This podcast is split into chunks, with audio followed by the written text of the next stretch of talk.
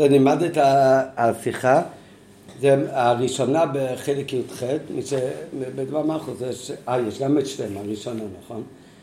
אז זה שיחה לפרשת חוקס, וגם זה אחד מהדברים היסודיים שמופיע הרבה פעמים בחסידות בכלל, בתורה, בשיחות של הרבי בפרט, שהרי ידוע שיש המצוות מתחלקות לשלוש סוגים. יש בה מצוות עדות, חוקים ומשפטים. מה זאת אומרת? משפטים זה מצוות כאלה שהשכל מחייב אותם. זאת אומרת, זה מצווה מן התורה.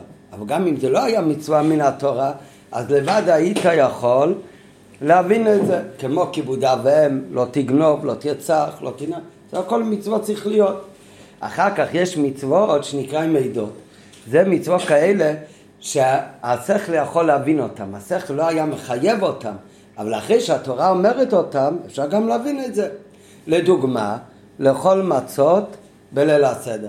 ואם זה לא היה מצווה בתורה, לא היית מבין לבד בליל הסדר להוציא ולאכול מצה, זכר ליציאת מצרים, אפשר לעשות כל מיני סוגי זכר, לא היית מבין לבד לעשות את זה.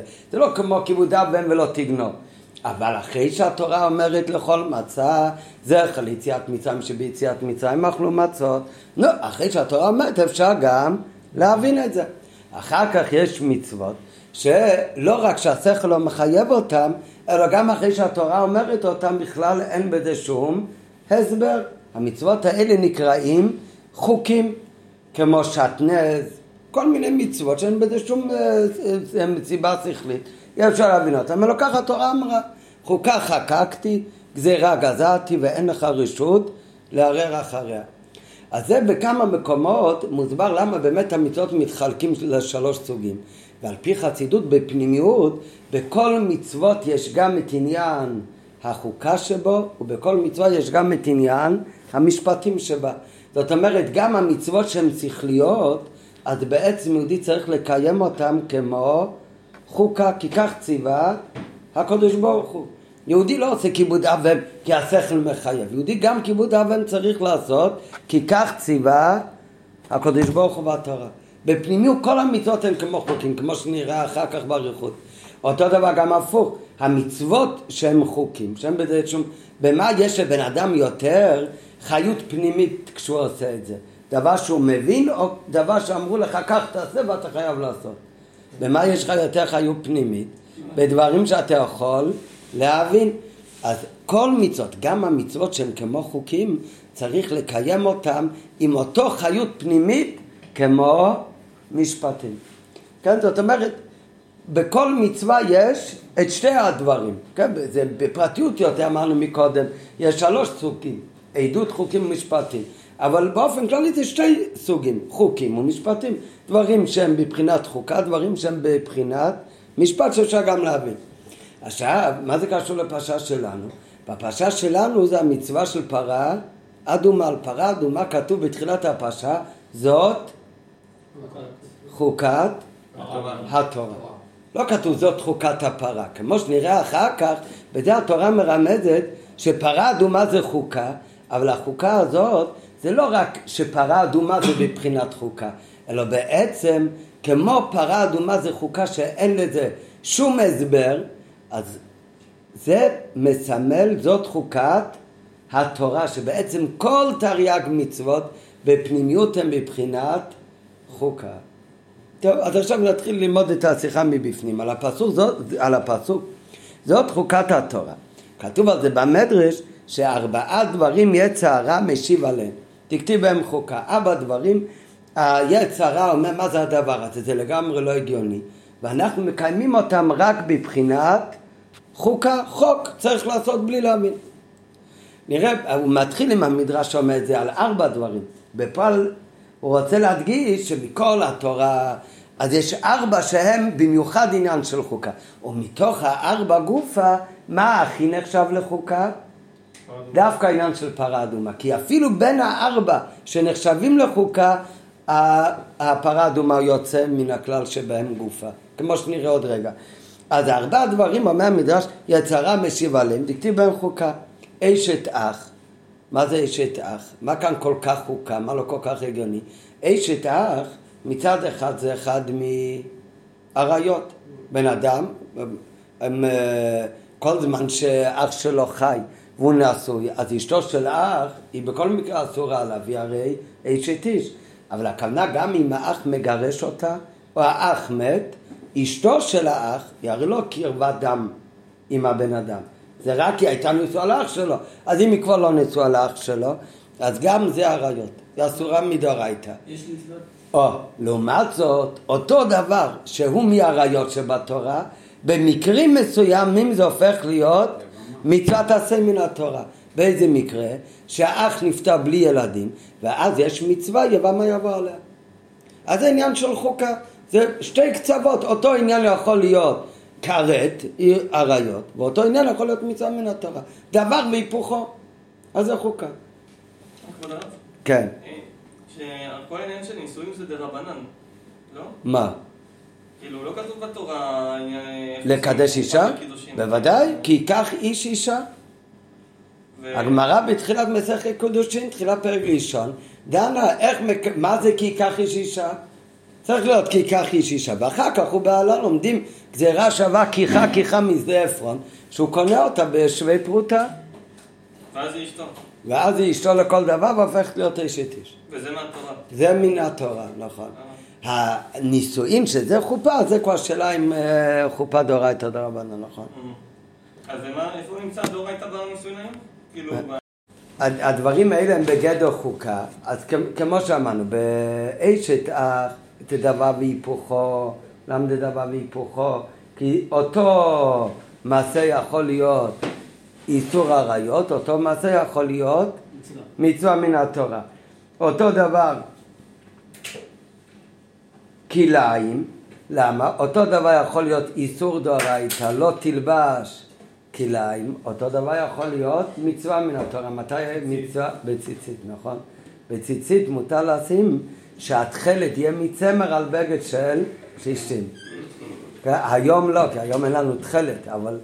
אז זה גם כן, זה דבר והיפוכו. אותו דבר שהוא איסור מן התורה, אותו דבר במ- במקרה מסוים, בתכלת של ציצית על בגד של פשטן, זה יהיה מצווה.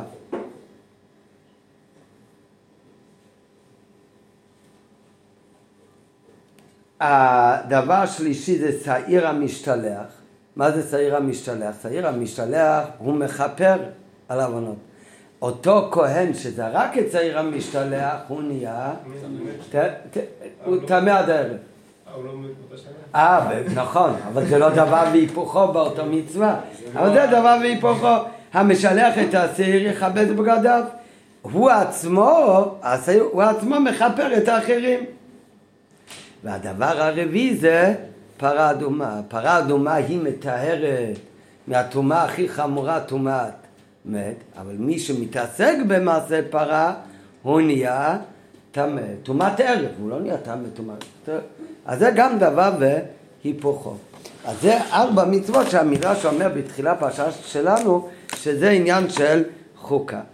אבל מצד שני, אף על פי שכל הארבע דברים האלה כתוב כאן במדרש שזה עניין של חוקה, בתוך ארבע דברים האלה גופה, אז רואים שהמדרש, גם בפרשה שלנו אומר, ששלמה המלך אמר, על כל אלה עמדתי, הוא פרשה של פרה אדומה, חקרתי, שאלתי, פשפשתי, אמרתי, החכמה, והיא רחוקה ממני. אומר שלמה המלך, על כל הדברים בתורה, עמדתי והבנתי אותם, מה עומד מאחורי המצווה. כשהגיע לפרשת פרה אדומה, אומר, כמה שחקרתי וניסיתי, זה עדיין רחוקה ממני, הוא לא הגיע לסוף ההבנה של מצווה של פרה אדומה. זאת אומרת, שלמה המלך, אם הוא אומר על כל הדברים הוא עמד על דעתם, אז סימן זה כולל את השלוש מתוך הארבע דברים שאמרנו מקודם. רק פרה אדומה זה החוקה שאפילו שלמה המלך לא הבין אה, את התוכן של המצווה. מזה מובן שהחוקה של פרה זה מובדל לא רק מכל המצוות שהן מצוות שכליות, אלא פרה אדומה גם בין החוקים עצמם היא הכי חוקה מכולם. ועובדה שדווקא עליה נאמר ששלמה המלך גם לא הבין אותם.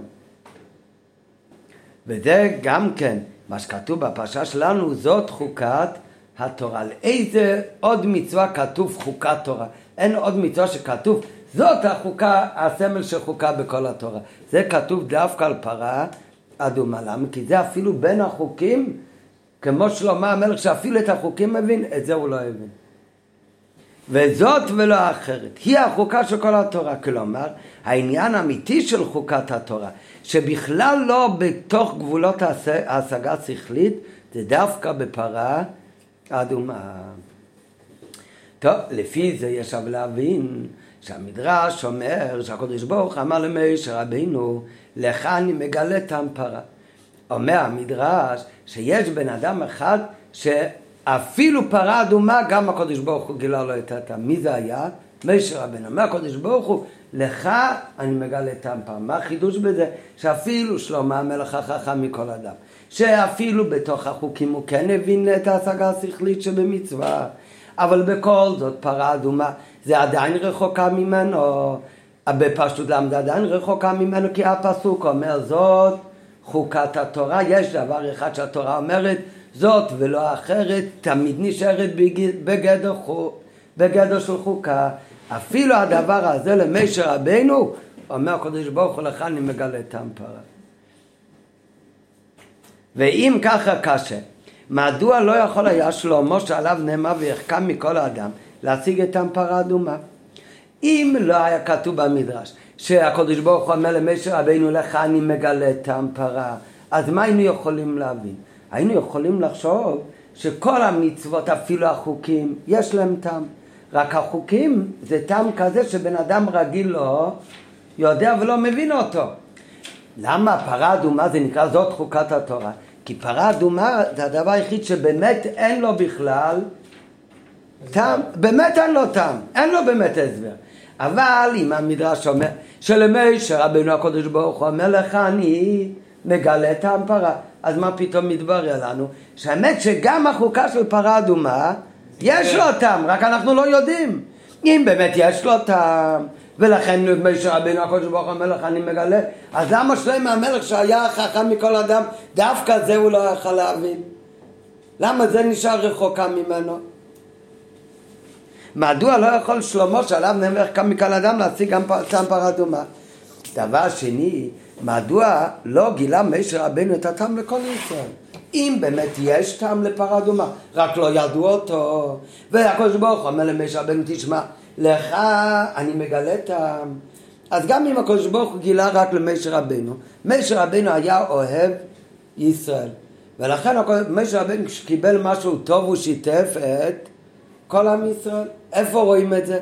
הגמרא אומרת שפלפול הדאורייתא, את העניין להתפלפל בדברי תורה, זה הקדוש ברוך הוא מסר למשה רבנו לבד. רק משה רבנו נהג בו טובת עין ושיתף את זה עם כל עם ישראל. זאת אומרת, הקדוש ברוך נתן למשה רבנו למסור לעם ישראל תורה שבכתב וגם תורה שבעל פה, את כל ההלכות וכל הגדרים. אבל הפלפול הדאורייתא, ההתפלפלות בתורה, זה חלק בתורה שהקדוש ברוך הוא מסר למשה רבנו אישי, מתנה למשה רבנו. רק הגמרא אומרת משה רבנו נהג בו טוב עין ונתן את זה לכולם. אז אם כך, אחרי שהקדוש ברוך הוא גילה למשה רבנו אני מגלה טעם פרה, אז למה כאן לא רואים את, ה, את הטוב עין של משה רבנו שישתף את כולנו בטעם? וזה נשאר עד כדי כך טעם כמוס שאפילו שלמה המלך חכם מכל אדם זה נשאר רחוקה ממנו. למה באמת לא גילה משה רבנו את הטעם לכל ישראל כמו שהוא עשה לעניין פלפול הדורייתא שניתנה על ידי הקדוש ברוך הוא רק למשה ובכל זאת נהג בו טובת עין ומסר אותה לכל עם ישראל. הכרחי לומר, ולכן מוכרחים לומר שבאמת משה רבינו מצד אהבת ישראל כמו פלפול לדורייתא כל מה שנמסר לו ואפשר להעביר לעם ישראל הוא באמת העביר להם. אם ככה למה הוא לא העביר להם טעם פרה? חייבים להגיד זה לא כי משה רבינו לא רצה, אלא כי טעם פרה אי אפשר למסור לעם ישראל. זה לא יהיה טוב עין אם הוא יעביר את זה לעם ישראל. הפוך, הטוב עין זה שבפרה אדומה לא ידעו את הטעם. וכמו שנראה שחייב להיות מצווה אחת בתורה שהיא תישאר בגדר של חוקה. חייב להיות מצווה אחת שתישאר אפילו את שלום המלך באופן כזה שאין עליה טעם. שיהיה אפשר להבין שום אה, אה, השגה שכלית. ולכן הכרחי לומר שאי גילוי טעם פרה אדומה זה לא כי משה רבנו רצה לגלות או כי השם לא ציווה אותו לגלות אלא כי הטעם של פרה אדומה זה לא טעם שכלי שאפשר להבין אותו באמת ולכן אי אפשר למסור אותו לעם ישראל זה לא השגה שכלית של נבראים ולכן משה רבנו לא יכל למסור את זה לנבראים היי למה משה רבנו אם כן, כן, כן ידע לא בגלל ההשגה שלו בתור נברא. הקדוש ברוך הוא אומר לך, אני מגלה טעם פרה. זה בגילוי מלמעלה. נראה אחר כך מה ההסבר בזה. זה מצד השגת הנבראים אי אפשר להבין פרה אדומה. ולכן לא היה משה רבנו מגלה את הטעם לישראל. הם לא, גם אם הוא היה מגלה, לו היה משה רבנו מגלה את הטעם, לא היו יכולים להבינו, לקבלו. לא היו בכל מקרה לא יכולים להבין. כי באמת בפרה אדומה אין בזה טעם שכלי כזה, באופן כזה ששכל נברא יכול להציג אותו. כמו שאמר הקדוש ברוך הוא למשה רבנו על פרה אדומה, חוקה היא, גזירה גזעתי, ואין כל בריאה יכולה לעמוד על גזירותיי. הקדוש ברוך הוא אומר במפורש, בריאה, נבראים, לא יכולים לעמוד על הטעם של הגזירה הזאת. אפשר להבין.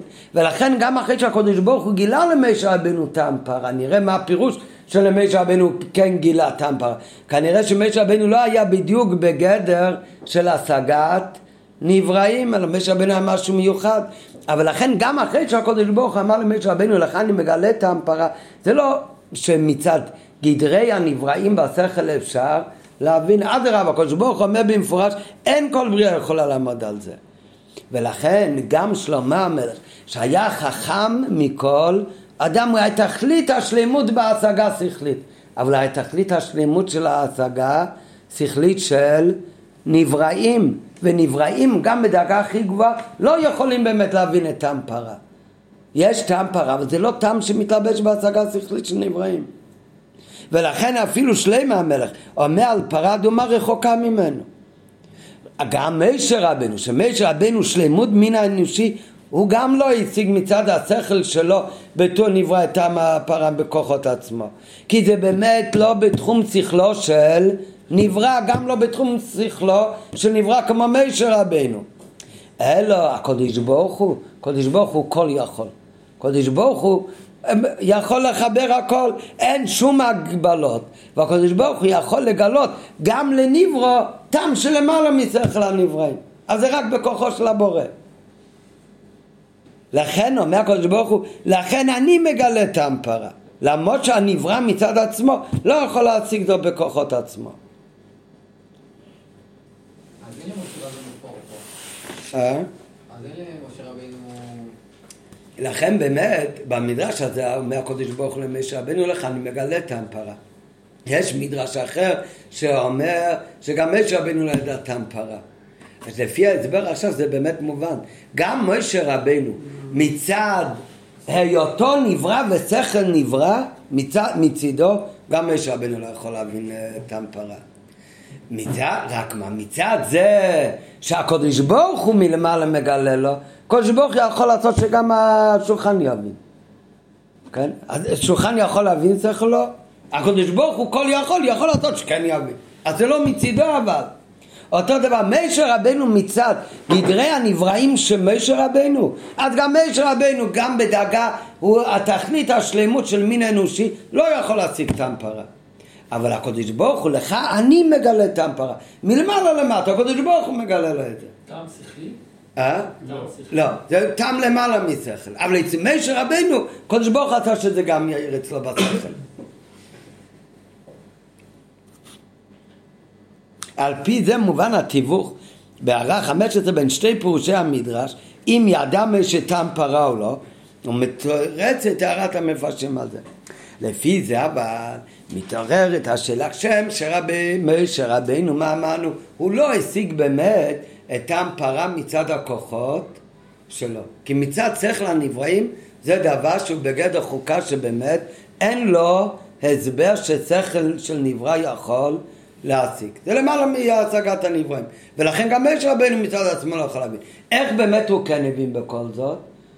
לך אני מגלה, הקדוש ברוך הוא כל יכול, יכול לגלות לו גם דברים שהוא לא כלי לזה.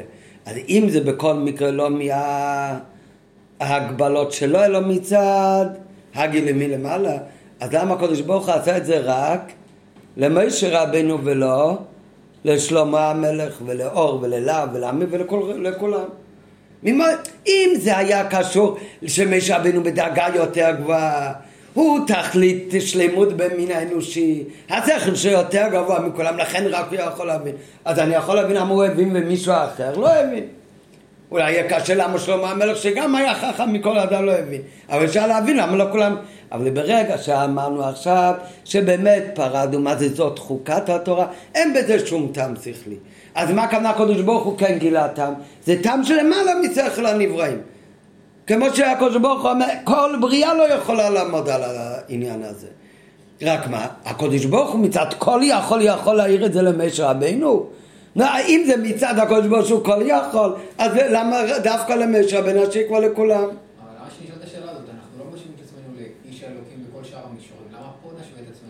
אז זה בדיוק העניין, כי באמת ברוב הדברים אנחנו אומרים שמשה רבינו הגיע לדרגות כאלה שאנחנו לא יכולים להגיע.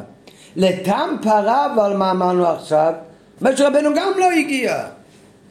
וזה שזה היה לו זה היה רק מצד שהקדוש ברוך המלך אני מגלה. אם זה לא קשור למעלות של משה רבנו, כי זה דבר שגם משה רבנו עם המעלות שלו לא יכול להגיע, אלא זה רק לך אני מגלה.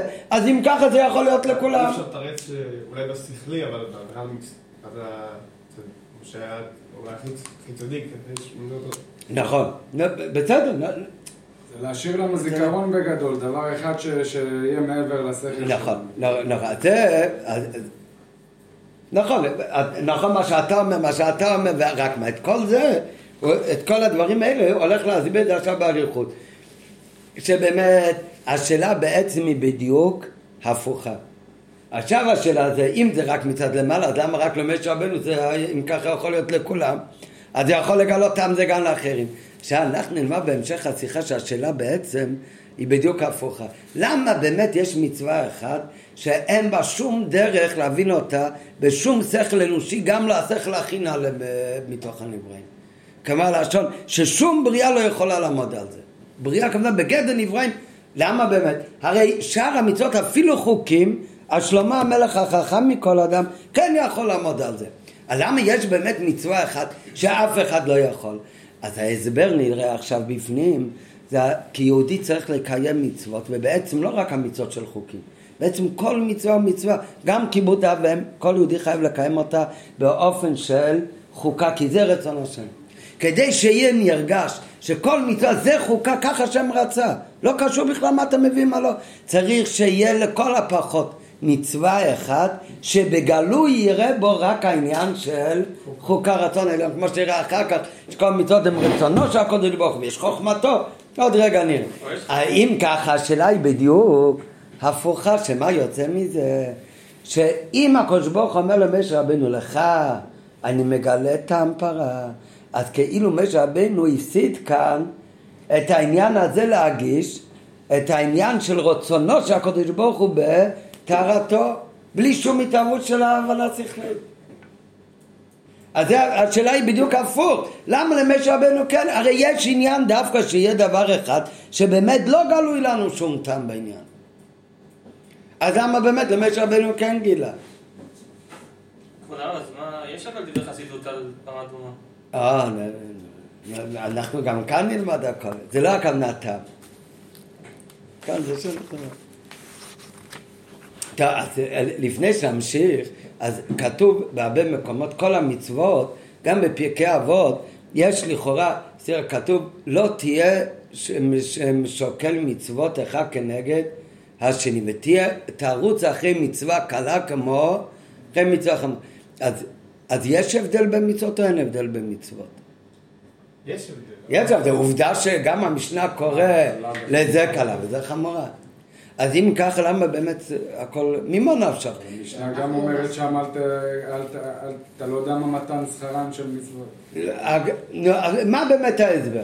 באותה משנה, מצד אחד אומרים לך, לא אומרים, תרוץ אחרי מה שלך נראה מצווה קלה כמו אחרי מה שנראה לך מצווה חמורה כי בעצם המצווה הקלה היא גם כן חמורה. כזה אומר, יש קלות וחמורות, אם יש קלות וחמורות אז למה באמת צריך להיות היחס לשם אותו דבר? שאנחנו לא נעשה תעדוף ואז נזלזל במשהו. למה? אנחנו זה משהו אחר, אז, זה הפירוש של המשנה, שלא תזלזל, הוא לא אומר לו רק לא לזלזל, הוא אומר הרבה יותר מכך. הוא אומר, אתה צריך להקפיד על זה בדיוק כמו על זה. למה בדיוק כמו על זה? בוא ניתן לזה משקל של דבר. וזה, ובאמת, הרי יש באמת הבדל, יש קלות ויש חמורות. יש חמורות, יש דברים שהם בכרת, יש דברים שהם בעונש אה, מיתה, ויש דברים שהם ב, אפילו לא בלאו. ואין עליהם עונש בכלל. יש, ב, אלא מה? בכל מצווה, אז כתוב יש שתי דברים. מה זה מצוות? תרי"ג מצוות, כתוב, זה רצונו של הקדוש ברוך הוא. למה אתה מניח תפילין? כך רצה הקדוש ברוך הוא. למה אתה עושה כיבוד אב ואם? כך רצה הקדוש ברוך הוא. וזה דבר, צד השווה שבכל המצוות. כל המצוות זה רצונו של הקדוש ברוך הוא. כשאומרים זה רצונו של הקדוש ברוך הוא, זה לא כמו שאתה רוצה שיהיה לך כסף. למה? למה אתה רוצה שיהיה לך כסף? זה רצון שעל פי טעם ודעת. זה, זה, זה לא ר, רצון, זה בעצם השכל שלך מבין שכדי לקנות אוכל צריך כסף, ואתה צריך אוכל כדי לחיות, אז לכן כסף זה דבר טוב. זה סיבה שכלית. אתה מבין למה אתה צריך את זה. כתוצאה מהשכל, אז לכן אתה גם רוצה כסף. זה נקרא רצון שעל פי טעם, והדת יש סיבה למה אתה רוצה את זה. כשאנחנו אומרים רצון שבנפש, זה הרצון, לומדים תמיד בחסידות, שהעשר כוחות הנפש איפה מתחיל?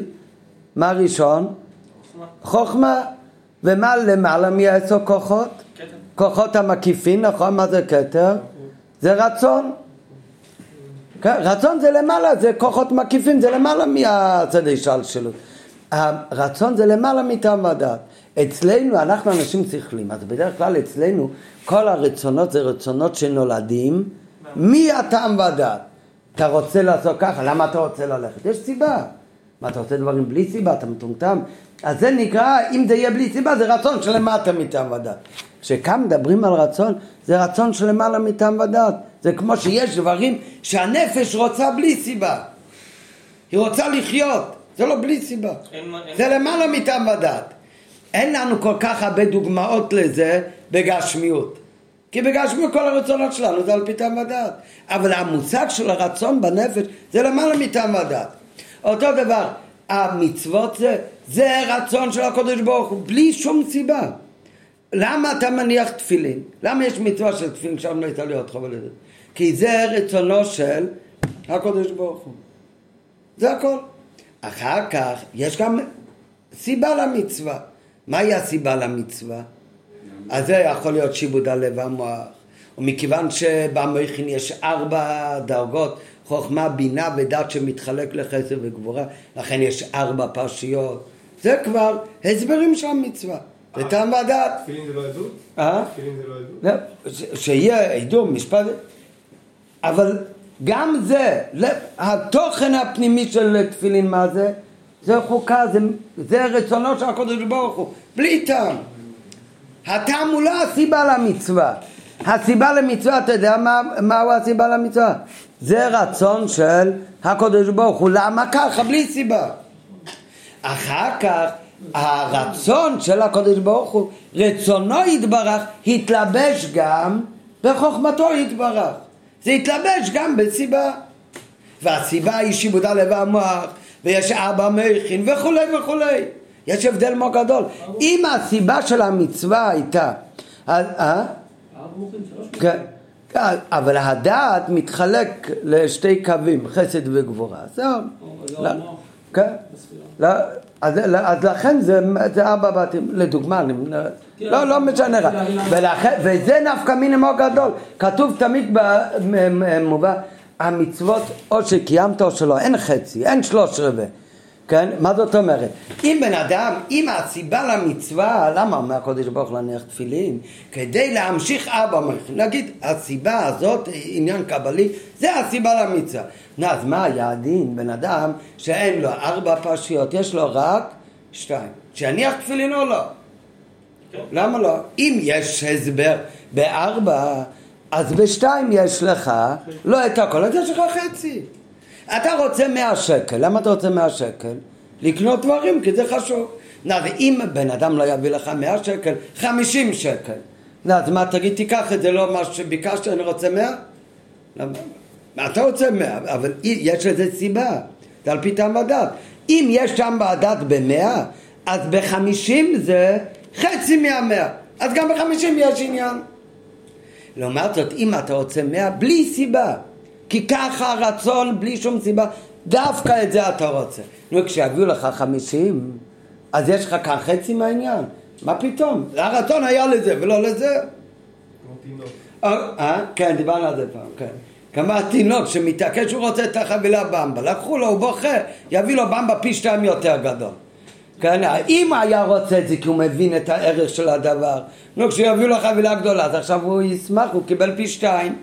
אבל מה? הוא, למה הוא רוצה את זה? אצלו זה מת, מתחת לטעם ודת, אבל זה, אצלו זה רצון שלו על פי שכל, כי הילד הוא עקשן, ולקחו לו אז הוא נהיה בכעס, והוא רוצה דווקא את הדבר הזה. אתה תביא לו משהו פי שתיים יותר שווה, הוא לא יירגע. הוא ימשיך לקפוץ ולצרוח, כי הוא רוצה דווקא את זה. רוצה... אז אותו דבר זה גם כן, המצוות הן כולם רצונו של הקדוש ברוך הוא.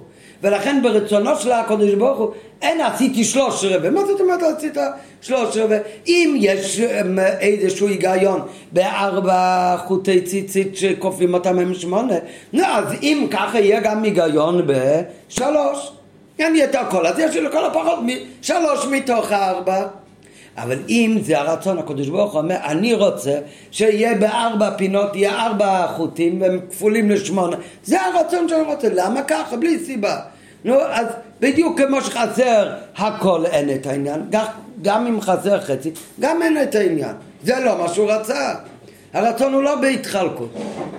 אם זה היה, אז מה באמת? אז מה אנחנו רואים מכאן? שכל המצוות כולם, גם המצוות שהן משפטים, הם בעצם בפנימיות כל מצווה הם חוקים. וזה הכוונה, אתה צריך לרוץ למצווה קלה כמה אחרי מצווה חמורה, בוודאי יש קלות וחמורות. עובדה שגם אם זה מתנגש, יש כללים, מה דוחה את מה? החמורות דוחות את הקלות. עשה דוחה, לא תעשה, כל מיני מלא כללים. אז אם שלו הכל שווה. למה צריך לכולם לרוץ בשווה? מכיוון שבתוכן הפנימי באמת, כל המצוות הם אותו דבר עם רצונו של הקודש ברוך הוא. זה עניין עיקרי, זה העניין הראשוני הכי נעלה שבכל מצווה. אחר כך כל מצווה גם ירדה בסדר השתלשלות והתלבשה בטעם, בטעם שבתורה. וזה, יש כאלה שהתלבשו באופן של עדות, יש כאלה שהתלבשו באופן של משפטים, זה כבר החלק השני של מצוות, גם לזה יש עניין. כשבפרשת משפטים אנחנו נלמד מה המעלה של משפטים, כאן עכשיו אנחנו לומדים, שבוע זה פרשת חוקת, מה המעלה של חוקת, אז כל מצווה בפנימות זה חוקו.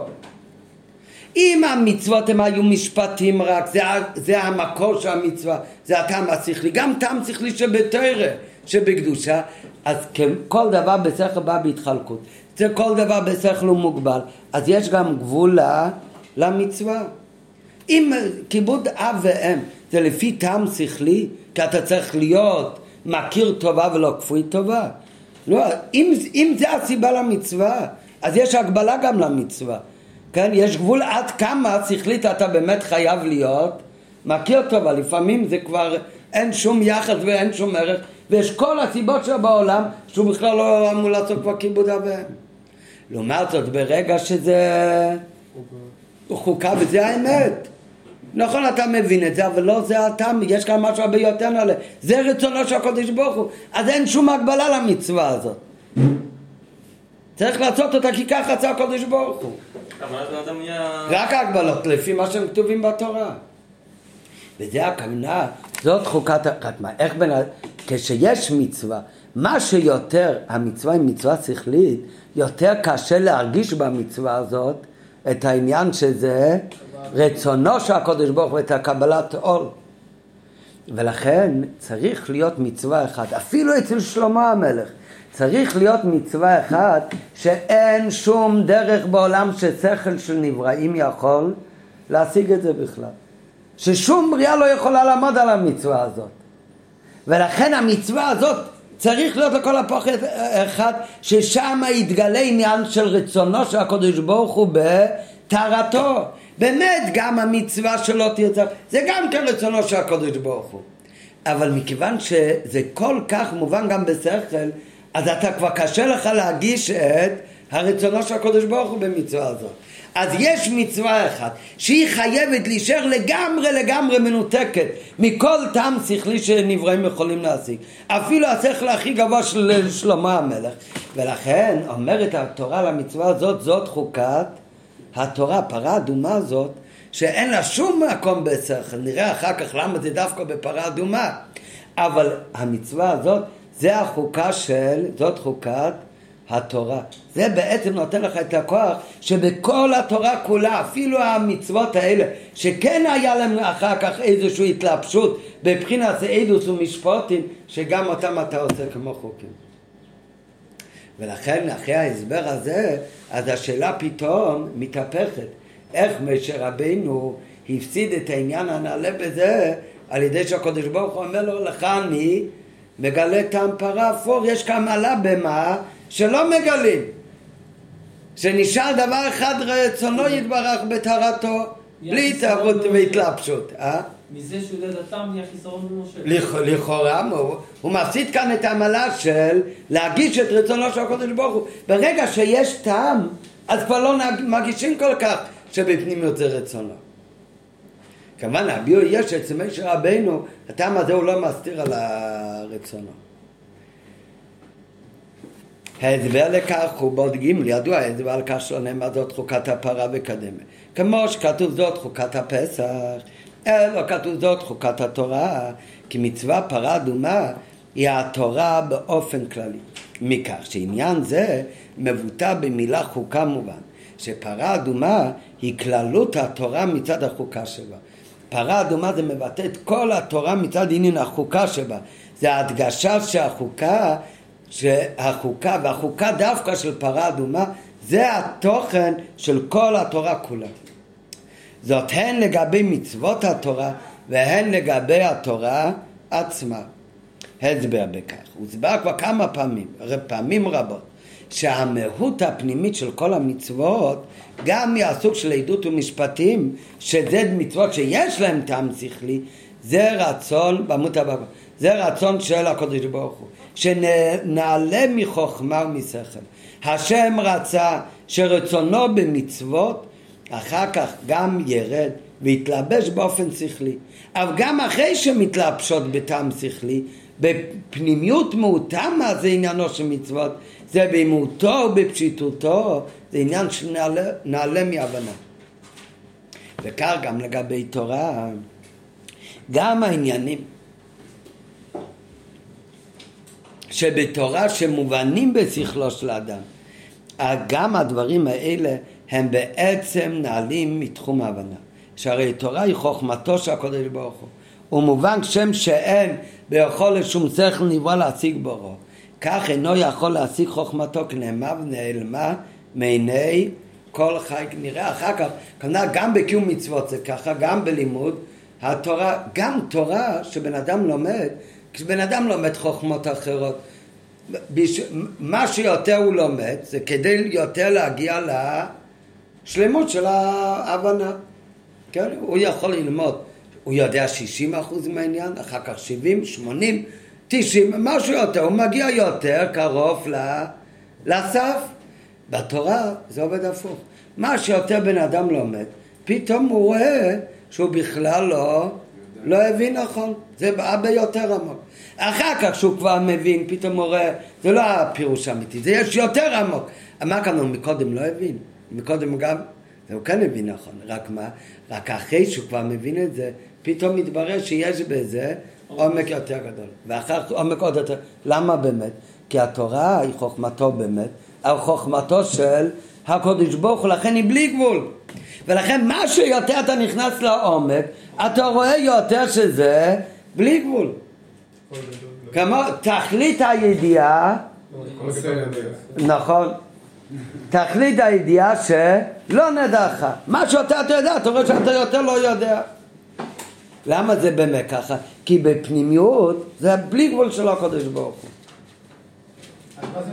אז זה עניין של חוקה שיש גם בהבנה שכלית של התורה. לא רק בקיום מיצס, גם בלימוד התורה יש את העניין הזה של חוקה. אה, כי הקדוש ברוך הוא הלביש את הבלי גבול גם ב- יש לנו אחוז בחוכמה. מסוים שאנחנו מבינים? אה? כן, אבל גם זה גוף ה... אה? פשוט אי אפשר להגיע ל-100% אף פעם. נכון. זה לא רק שיש להגיע, זה הרבה יותר עמוק מזה. כל פעם מה שיותר אתה מבין. אתה יותר גם מבין את, חוסר ידיעה. את הבלי גבול, את החוסר ידיעה. זה לא חיסרון, זה באמת, אתה יותר מתקרב לבלי... אתה יותר קשור לבלי גבול של התרא. אבל מה ההבדל לחוכמה? אמרת אם בן אדם לומד משהו, שאתה לומד להבדיל בכל חוכמה אחרת. מה שיותר אתה לומד, אתה, אולי אתה רואה יותר את העומק של הדבר, אבל אתה יותר מתקרב ל, ל, לקצה, לסוף. בתורה, מה שיותר אתה לומד, אתה לא יותר מתקרב לקצה. הקצה יותר בורח ממך, למה באמת? כי התורה במותה היא בלי גבול. נראה אחר כך. ידיעה זו חשובה לכל יהודי. זה שמיעוטם של גם מצוות וגם של התורה זה עניין של חוקה. רצונו הבלי גבול של הקודש ברוך הוא. זה נוגע לכל יהודי בעבודה שלו, גם בקיום תרא ומצוות ואחר כך גם בנוגע ללימוד התורה. קיום כל המצוות, גם המצוות שיש להם טעם שכלי, מעל מקום צריך להיות מתוך קבלת עול, כן ציווי הקודש ברוך הוא, גזירה גזעתי חוקו חוקקתי, וזה הנוסח של כל המצוות, הם אומרים וציוונו, אשר קידשנו במצוותיו וציוונו, עיקר ההדגשה זה, זה ציווי של הקודש ברוך הוא, למה אתה עושה את זה? כי כך ציווה הקודש ברוך הוא, לא כי ככה אתה מבין, לא כי יש מעלה בדבר הזה, יש גם מעלות בדברים האלה, אז זה כבר המקום שני. המעלה של המצוות זה שזה ציווי ורצונו של הקודש ברוך הוא. וכך ועוד יותר מכך, זה לא רק בנוגע לקיום מצוות, ששם באמת זה יותר קל להגיש את העניין של קבלת עול, את עניין החוקה, אלא כך זה גם בנוגע ללימוד התורה. התורה היא אינסופית, ולכן כל מה שיגדל הבנתו בתורה, עדיין הבנה תהיה לקויה בחס- בחסר. וזה מראה שההבנה זה לא תכלית העניין כאן. בוודאי הוא צריך להבין. אבל לא, התורה זה לא ההבנה שלו. התורה זה מה שלמעלה מההבנה שלו. לפיכך על עליו לאמול בתורה, יגעת ומצאת. למה כל כך חשוב היגיעה? מה שיותר הבן אדם מתייגע, הוא תמיד רואה שיש יותר עומק ויותר בלי גבול. שמה שהיה עד עתה למעלה מהשגתו השכלית. בן אדם מתייגע, אז מה שעד עכשיו היה למעלה מהשגה שלו, פתאום עכשיו גם את זה הוא מבין. אז עכשיו זה הפך להיות השגתו השכלית, אז עכשיו יש משהו אחר שלמעלה מההשגה. אז מה שמקודם למעלה מההשגה, עכשיו נהיה מובן על ידו. ועניין החוקה שבתורה יתבטא עכשיו אצלו בעניינים נעלים עוד יותר. עד שיגיע לחוקה אמיתית של התורה, שהיא מעל לתחום ההשגה השכלית. לפיכך נאמר בפסוק, זאת חוקת התורה, למרות שבתורה יש הרי גם דברים שנתלבשו בשכל, שזה הדברים שנקראים עדות ומשפטים. בכל זאת, זאת חוקת התורה. במיעוטם, כל עניינים בתורה, כל ענייני תורה במהות הפנימית שלהם הם למעלה מהבנה והשגה. המהות הפנימית זה כל התורה היא בבחינת חוקה. יותר מכך, כל ענייני התורה זה חוקה לא באופן של חוקה של הדברים ששלמה המלך בכל זאת השיג אותם, אלא כל העניינים בתורה הם חוקה כמו פרה אדומה, שלמעלה משכל אנושי לגמרי, שנעלית לחלוטין מתחום החוכמה וההשגה השכלית. הרי שאר הדברים אמרנו, איך שאמר המלך כן השיג אותם, כי שאר המצוות באמת יש שם גם כן התלבשו בטעם שכלי. למה הם נקראים חוקה? כי אנחנו לא יודעים את הטעם השכלי שלהם. צריך להיות שלמה המלך בשביל להבין. במהות אבל כל המצוות הן באופן חוקה לא כמו אלה. הן באופן חוקה כמו פרה אדומה, שמה אמרנו מה זה פרה אדומה? פרה אדומה באמת לא התלבש בשום שכל. לא רק שאנחנו לא יודעים את הטעם. פרה אדומה באמת לא התלבשה בשכל אנושי, גם לא של שלמה המלך, גם לא של מישר רבנו. אצל מישר רבנו רק היה עניין מלמעלה, בדרך כל יכול, לכו אני מגלה. אז הוא גילה לו... אבל, אבל זה מצד עניין שהקדוש ברוך הוא גילה בכוח האין סוף שלו. לא מצד ההבנה וההשגה, מצד גדרו הנברא של משה רבנו. אז בעצם כל תורה מצוות, בנראות הפנימית שלהם, הם כולם כאלה דברים לגמרי למעלה מהבנה והשגה. זה הכל רצונו הפשוט של הקדוש ברוך הוא. למעלה מתלבשות בכלל בעניין של הבנה והשגה. אחר כך הקדוש ברוך הוא צמצם את העניינים שיהיו גם בהבנה והשגה. למה באמת? כדי שגם חיו פנימית בעבודה. יש לזה עוד הסברים. זה נלמד במשפטים. עכשיו מדברים על עמלה של חוקה.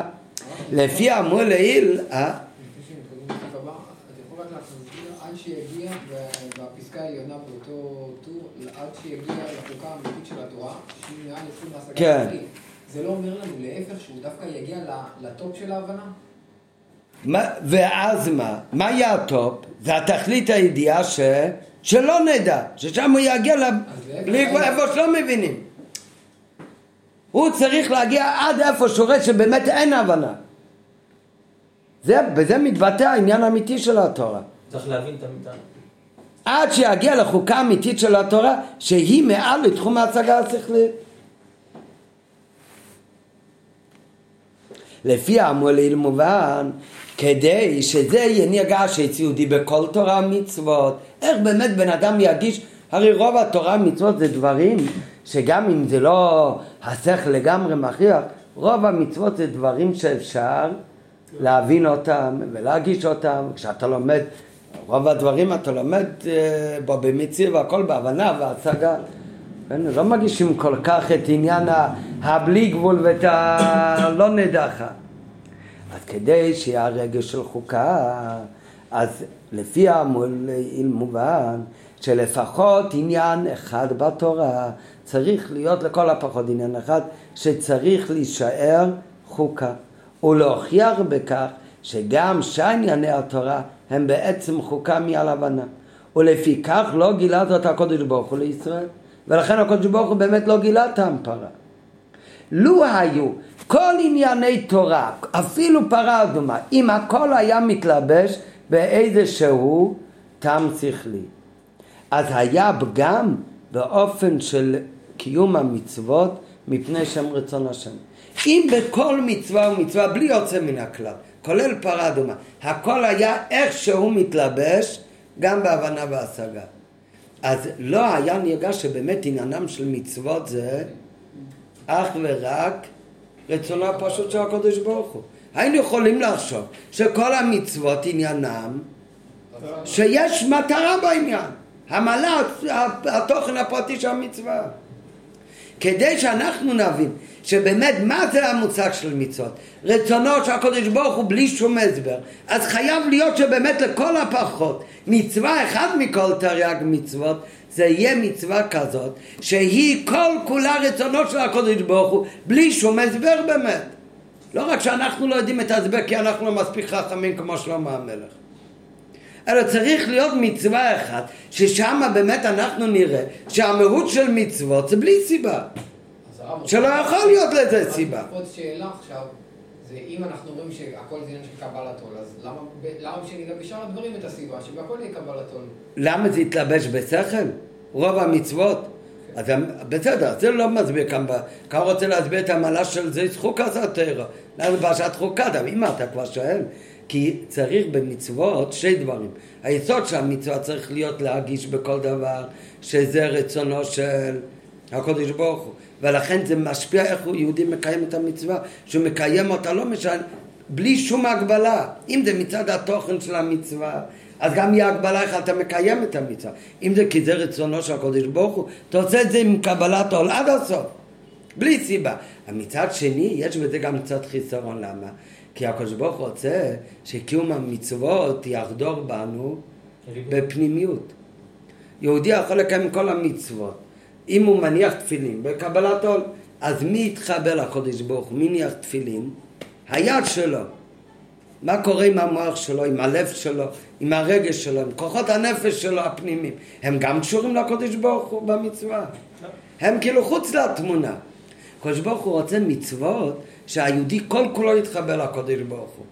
איך הוא יחבר גם את השכל שלו לקודש ברוך הוא, גם הרגש שלו. אז זה, לכן המצוות הם גם התלבשו ב... בטעם שכלי. אז זה גורם לנו שיהיה לנו גם חיות פנימית בעבודת השם. לכן צריך את שתי הדברים. אבל זה כבר במקום שני. המקום הראשון הנעלה יותר זה שמצווה זה התחברות לרצונו של הקדוש ברוך הוא. כי זה יותר נעלה, זה רצון שלמעלה מהתלבשות בשכל. ולכן זה בלי גבול. לכן זה לא מתחלק, לא יכול להיות לי חצי מהמצווה או שלוש רבעי. זה או שאתה מחובר או לא. לו היו כל ענייני תורה מתלבשים בשכל נבראים, היה גם באופן שקיום המצוות רק מפני שהם רצון השם. ובנוסף לכך, לא היה יהודי יכול להגיע לידי קיום תורה מצוות מתוך מסירות נפש. למה? כי אם כל העניינים הם מובנים בשכל, וכל התנהגותו על פי תורה היא בהתאם לשכל, דבר זה היה פוגם לא רק במסירות נפש למעשה, אלא גם, לא רק שהוא לא יעשה את זה עד הסוף עד כדי מסירות נפש, אלא זה נוגע גם לפרטים רבים בקיום תורה מצוות. כי כאשר בשכל צריך לנהוג שלא על פי שכל, הרי זאת מסירות נפש לגביו. וכדי שבן אדם יכול לקיים את המצוות במסירות נפש, ומסירות נפש גם מילה, הכוונה מסירות נפש, גם כשזה לא מסתדר לו עם השכל, אז זה צריך להיות שהוא באמת יבין וירגיש שהמצווה עניינה לו לא קשורה להגבלות של השכל. נו, איך זה נרגש אצלו? אז זה נרגש על ידי שיש לכל הפחות מצווה אחת ששם מאיר בגילוי שזה רצון של הקדוש ברוך הוא. וכך יכול היה יהודי להגיע, כלשון הרמב"ן, אם הכל היה רק על פי שכל, אם הכל הוא רק על פי שכל, אז אומר הרמב"ן, יהודי לא רק שלא יהיה לו מסירות נפש, אלא הוא גם יכול להיות נבל ברשות התורה. הוא יכול להשתמש, אם הכל הוא שכל, הוא יכול למצוא הסברים על פי תורה למה זה מותר, ולמה זה לא כזה נורא. אה? להיות רב לעצמו. כי בהשיבו רק תם שכלי בענייני התורה, ללא דאגה שמעל השכל, הוא יכול למצוא טעמים ונימוקים תורניים גם להתנהגות בלתי נאותה. כן? כדי שבאמת הוא ישתמש בשכל התורה אך ורק כפי הכוונה, ולא להשתמש עם שכל התורה גוף על נגד התורה, אז בשביל זה צריך להיות היסוד, ההתבטלות לרצון העליון שלמעלה משכל. וכך גם זה גם בנוגע לקיום המצוות, ואותו דבר בנוגע ללימוד התורה. כדי להגיע למצאת בתורה, מציאה שאיננה לפי השכל. שכמו במה זה מציאה, דבר שבכלל לא חלמת עליה, פתאום זה נופל לך. אותו דבר, מה זה בלימוד התורה יגעת ומצאת. יהודי מתייגע בלימוד התורה, פתאום מצאת, הוא מבין כאלה דברים לגמרי למעלה ממה שהוא מצד עצמה יכול להבין. אז זה בבחינת מציאה. אז כדי להגיע למצאת, אז צריך להיות קודם יגעת, יגיעה בתורה. מתי יש את המילים בתורה? מתי יש את עניין של המילים בתורה? כשהוא מסתכל על התורה כמו איזה שכל יפה, נו אז הפוך הוא יושב, ילמד בנוחות, לא את היגיעה לשבור את עצמו. כן? את חוכמות עולם החיצונים בן אדם יכול ללמוד מתוך טבע ולא צריך דווקא מתוך אמל ויגיעה. כשבן אדם מגיש אבל שהתורה זה חוכמתו של הקדוש ברוך הוא למעלה מיוון והשגה אז הוא יודע שזה בכלל משהו שלא בערך אליו. אז הוא צריך כאן לאמור ולהתייגע, לשבוע את עצמו. כל עוד הוא מסתפק בהעמקה רגילה ובהבנתו בתורה, כי הוא אומר, טוב, זה עניין שכלי, אני מבין את זה, אני מבין את זה. בואו נפתח ספר, ננסה גם להבין כמה משהו. אז זה לא עניין של יגיעה, זה לא יגיעה אמיתית. רק כאשר יהודי הוא עמל בלימוד התורה יותר מהרגילות שלו, למה יותר מהרגילות שלו? כי הוא יודע שהמהות האמיתית של התורה זה האין סוף, הלמעלה מהבנה והשגה. אז לכן כל הגישה שלו ללימוד התורה זה לא בוא נראה, אני חכם, אני מבין את זה, אני מבין את זה, אז עכשיו אני אבין גם את זה. אלא כשיהודי יודע שזה עניין של חוקה, זה בכלל עניין שמצד עצמו, במהותו הוא למעלה מהבנה והשגה. אז כאן הוא ניגש אחרת לגמרי לתורה. כל דבר הוא, הוא יהיה עמל ומתייגע. וכמה שהוא מבין הוא בטוח שזה עוד לא תכלית ההבנה, כי זה משהו בין ארוך אליו. ודווקא אז, על ידי לימוד כזה, יהיה יוגעתו ומוצאו. אז הוא יכול להגיע למצאת העניינים שבאים בהיסח הדעת מעל השכל. בדומה ליתרון של תלמוד בבלי על פני תלמוד ירושלמי, כמוסבר בכמה מקומות, נלמד פעם אחרת, כל זאת, כל זה אפשרי רק כאשר קיים בתורה בגלוי עניין שנעלה לחלוטין מעניין השכל. אם כל התורה כולה היה מתלבשת בשכל, אז אצל יהודי לא יכול להיות הרגש הזה. צריך להיות שנשאר בתורה משהו שבגלוי נעלה לחלוטין מעניין השכל. ומכך יודע יהודי שבעצם כל ענייני תורה הם ככה. וככל שיוכל להבין, עדיין יש דברים נעלים יותר בתחום ההבנה השכלית, וזה מביא אותו לידי יגיעה, ביטול ואי החשבת שכלו. הוא לא נותן כל החשיבות רק לשכל שלו, וכך הוא יגיע לדאגת התורה כפי שבעצם מעל ההבנה, תכלית הידיעה, שלא נדע לך. רק לפי כל ההסבר הזה, אז עכשיו השאלה שבתחילת השיחה מתהפכת בדיוק הפוך. עכשיו אם ככה מתעוררת השאלה, אדרבה על משה רבנו. אז אם ככה, מה מעלה בזה שהקדוש ברוך הוא אומר למשה רבנו, לך אני מגלה טעם פרה, הפוך. שהקדוש ברוך הוא יגיד למשה רבנו, גם בשבילך יש דבר אחד הפוך, תגיש את המעלה של רצונו של הקדוש ברוך הוא, שלמעלה מטעם. לך אני מגלה טעם פרה. אז מה, אז הוא הפסיד את העניין. לפי זה מתעוררת שאלה מצד שני למשה רבנו גילה הקודש ברוך הוא טעם חוקת הפורו יוצא לפי המולעיל שהיו פגומים חס וחלילה אצל משה רבנו את ההתמסרות של מסירות נפש בקיום המצווה שהרי כמו שאמרנו מקודם המסירות נפש של קיום המצווה שיוצא לגמרי מההגבלות שלו נעשה דווקא על ידי שנרגש הלמעלה מתלבשות בהבנה והשגה וטעם ואם ככה גם היחס אצל משה רבנו נפגם, העניין שהגיעה מושלמת בלימוד התרא. כי לא אצלו שום עניין שבאמת לגמרי נעלם.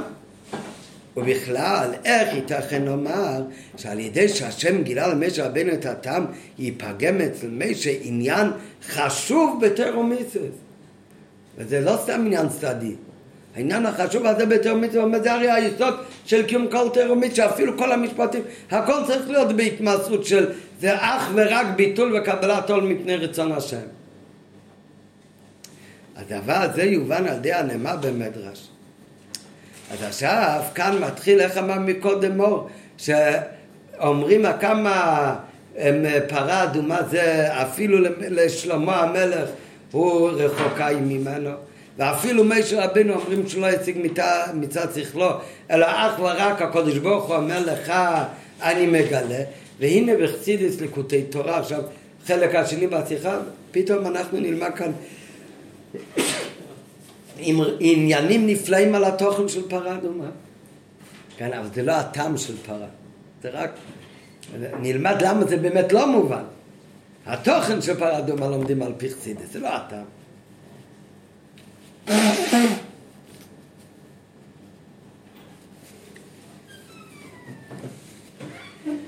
דבר זה יובן על ידי הנאמר במדרש, שכששמע משה רבינו אודות טומאת מת.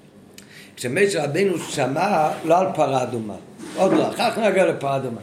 הוא שמע על תומאס מס, המשה רבינו, הרי אנחנו, באיזה פרשה אנחנו אוחזים? חוקת, כתוב כאן איך בן אדם נהיה טמא. שעל ידי נגיעה או בא לאוהל, נמצא באוהל ביחד עם... אנחנו כבר למדנו על טומאות שבן אדם יכול להיות טמא כבר מקודם, על טומאות אחרות. בסוף פרשת תזריע מצורע למדנו על טומאת יולדת, טומאת צרת, מצורע, בן אדם, טומאה של בן אדם. בסוף פרשת מצורע גם על טומאת זב, מלא סוגי טומאה של בן אדם נהיה טמא, למדנו כבר בפרשות קודמות.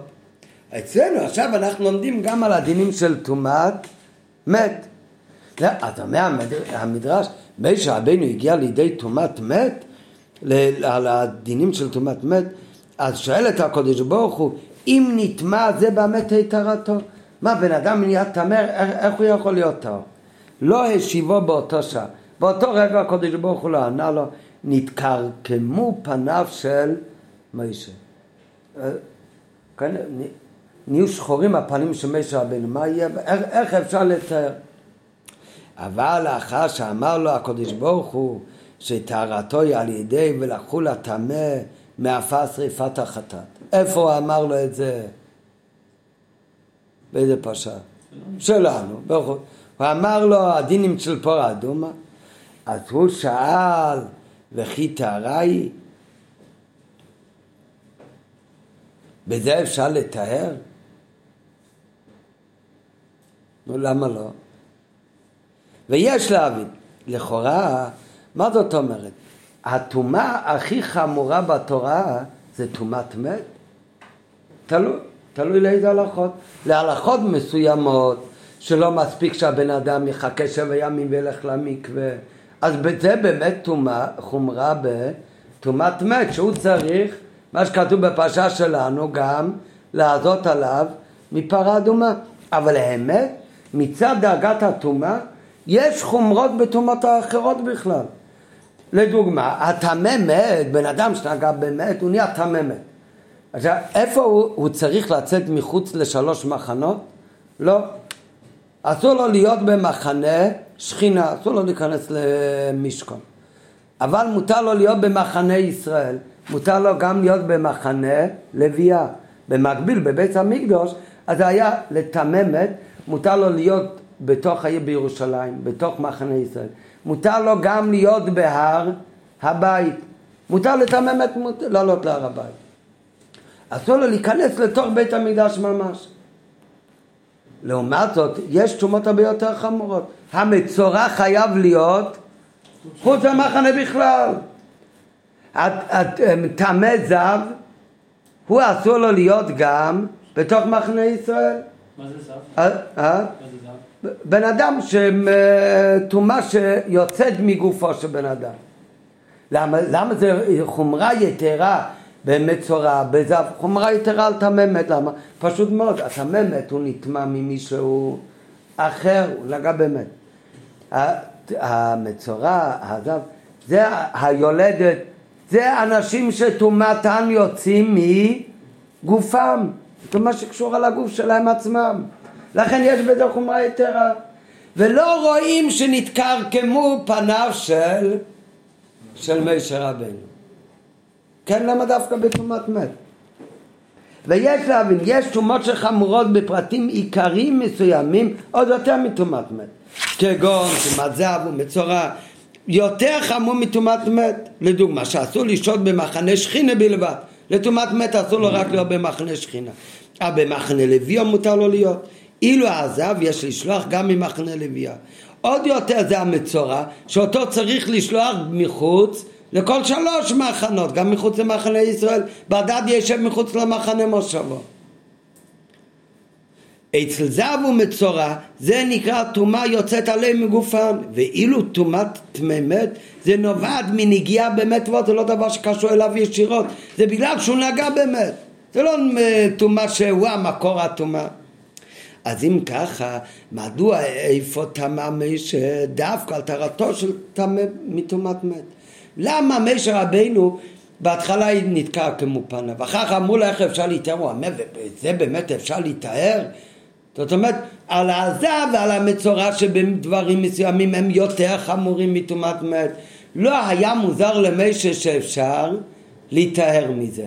דווקא טומאת מת זה, משה רבנו לא הבין איך אפשר להתאר מכזה דבר. עד אשר נתקרקמו פניו, על טומאות אחרות לא נתקרקמו פניו, שחמורות יותר, ובמיוחד שהטומאות האחרות מופיעות לפני כן כבר בפרשת תזריע מצרות. אז שמה לא נתקרקמו פניו של משה רבנו. שם שכתוב שהם הולכים לטבול והם נהיים טהורים, משה רבנו לא טמא וכי איך הם יכולים להיטהר מכך. ודווקא בטומאת מת, משה רבנו זה נתקע כמות פניו, לא ראה שום פתרון, ואחרי שנותנים הרע, אז משה רבנו אמר, מה, הם יכולים להתאר בכלל מכזאת טומאה? לכאורה זה לא יותר חמור מדברים אחרים, אדרבה, הטומאות האחרות בהלכות מסוימות, לעניין איפה מותר להם להיכנס בתוך מחנה ישראל, אז הן יותר חמורות מטומאת מת. אז מה, מה ההסבר? כל הטומאות האחרות, גם אם בפרטים הן יותר חמורות לפעמים, כל הטומאות האחרות הן קשורים לגוף של יהודי שהוא עדיין חי. כל זמן שהבן אדם חי, אז יש חיבור של הנשמה ו... והגוף. והנשמה של כל יהודי היא קדושה וטהורה. לכן כל זמן שיש נשמה, אז גם כשמצד הגוף הוא נהיה טמא בטומאת צרת, בטומאת זר, בטומאות הכי חמורות, אבל כל זמן שהוא חי, יש לו גם כן נשמה. אז לכן, יש כאן משהו שבפנימיות נשאר תמיד טהור, תמיד קדוש, שהוא הפך עניין הטומא. ולכן זה לא נתקע כמו פניו, יש תקווה. כל זמן שהוא חי הוא יכול גם עוד uh, לתקן. ולכן גם כן זה לא כזה פלא שאפשר להיטהר. כי יהיה התגברות הנשמה על הגוף ובחזרה ייטהר. לעומת זאת, מה זה טומאת מת? מה, מאיפה מגיעה הטומאה הזאת? הטומאה הזאת מגיעה ממקום שכבר יש שם גוף בלי נשמה. כבר אין שם חיות. שם כבר לא נשאר קדושה, כבר לא נשאר, נשאר דומם. אז אם הוא טמא באמת, והוא מטמא את הבן אדם, זה טומאה כזאת שהיא במאה אחוז טומאה. אין כאן, לא נשאר כאן שום דבר חי בכלל. אז זה היה השאלה מאיפה כאן יהיה הכוח לטהרה. כל זמן שהטומאה עצמה, מה המקור של הטומאה? מדבר חי, בכל דבר חי יש גם כן עדיין טהרה גם כן. אז אפשר להיטהר. לעומת זאת, כשמקור הטומאה הוא בדבר מת, כמו המת עצמו, המת עצמו יכול להיטהר? לא. אז אם הבן אדם נטמע ממת, אז כאן המקור טומאה זה כזאת טומאה שאין בו כבר חיות. אז אולי טומאה כזאת כבר יש גם לתאר אותה. אז זה היה התמיהה של משה רבנו. זה גם בפשטות בעניין של דיני טומאה וטהרה, זה גם כן ברעיון בעבודת השם. כשהבן אדם חי זה, זה מראה, הבן אדם הוא יורד ממדרגתו, זה עניין של טומאה. מצד שני הוא עדיין חי, הכוונה, יש לו עדיין חיות ודבקות מסוימת בהקדוש ברוך הוא. אז כמו שכתוב, אתם הדבקים בהשם, מה המשך הפסוק? חיים כולכם היום. דבקות בהקדוש ברוך הוא תלוי בחיות. אז גם אם יש ירידה, יש עניין של טומאה, אבל יש עדיין דבקות בהקדוש ברוך הוא. אז מזה הוא יכול גם להתאר. גם נפל מאוד עמוק. לעומת זאת, יש אחד שכבר אין כאן את החיים כולכם היום. התנתק מלגמרי מהחיבור לקודש ברוך הוא. ברגע שהתנתק לגמרי, זה עניין של הפך עניין של ואתם הדבקים, הפך של העניין של חיים כולכם היום, זה עניין של אמת. כשכבר אין שום קשר, התנתק לגמרי, ברגע שהוא התנתק לגמרי, אז כאן איך הוא יתחבר מחדש? כן, שהחבל כרות הוא כרות, מה תמשוך עכשיו, כמה שתמשוך זה חתוך, כבר, כבר לא תתקרב יותר. אז כאן נתקר כמו פניו של משה רבנו. כאן איפה יש עניין של טהרה. ההסבר לכך, כל הטומאות האחרות אצל ישראל קשורות, כמו שנכון, יש חומרה בטומאת מצורע וזר, כי זה טומאה שיוצאת מגופו. איך זה יכול לקרות? כי הוא עדיין חי, הגוף חי. אז זה יכול להיות טומאה, וזה קשור לגוף חי. אז זה עדיין, זה כל הטומאות קשורות לגוף חי של יהודי. שיש בו נשמה, אם הוא חי אז יש לו עדיין נשמה, ולכן גם אם הגוף נטמע, אבל ניתן להבין שהרי עדיין שוכנת בתוכו הנשמה שהיא חלק אלוקה ממעל ממש. הנשמה בפנימיות שהיא חלק אלוקה ממעל ממש, זה עניין של טומאה או טהרה, זה עניין של טהרה, טומאה זה מצד הגוף. אז הקדוש ברוך הוא כל יכול. אז הרי יש לנשמה מלכתחילה כוח אלוקי שיכול להשפיע גם על הטומאה כך שהגוף יכול בסופו של דבר גם כן להתאר מן הטומאה. רק יש כללים, איך שהתורה אומרת הלכתית איך יעברו השלבים האלה. ולכן אם אתה רוצה שהנשמה תשפיע ותתאר את הגוף, זה קורה על ידי שאתה הולך להתאר במקווה. יש כאלה יש טומאה חמורה שהתורה אומרת על ידי שאוכלים דווקא למעיין, אבל יש איזשהו דרך שהנשמה בחזרה תחיה את ה... תתאר את הגוף, על ידי טבילה במקווה וכדומה. לעומת זאת, מה זה טומאת מת? הבן אדם שנטמע הוא עדיין חי, אבל הטומאת מת מה המקור? הטומאת מת זה טומאה שבאה מגוף ש... המקור של הטומאה היא מגוף שכבר לא חי. איננו חי. ובזה הוא נדבק. נדבק ממשהו מת. גוף שמופרד כבר מן הנשמה. והוא עצמו כבר לא יותר מאשר עפר מן האדמה. וכאן התעורר השאלה אצל משה, כיצד אפשר להיטהר מטומאה כזאת, שנובעת מניתוק הקשר של הגוף עם כוח אלוקי, כוח הנשמה. מה, מה, מה שאלת היום? זה אותו אדם יש לו את הנפש האלוקית שלו, מה זאת אומרת? הנפש... כן, אבל הוא לא, אבל הוא לא נהיה טמא מצד הגוף שלו שהוא גוף חי, המקור של הטומאה הוא מקום שאין... מדבר מת. זה כל העניין. אז מה זה מראה? אם הוא נטמע מזה, זאת אומרת בפנימיות העניינים, כמו שנראה אחר כך, שבעצם למה הוא נטמע מזה? כי גם אצלו בפנימיות יש כבר עניין של מת. כבר התנתק לגמרי. נכון. והרע, הרבי מביא שיש חקירה, זה השיחה השנייה בספר כאן, אבל זה, מי שרוצה צריך להקשיב לשיעור שהרב רייצס נתן לשיעור, על השיחה השנייה, האם המת הוא טמא או רק מטמא?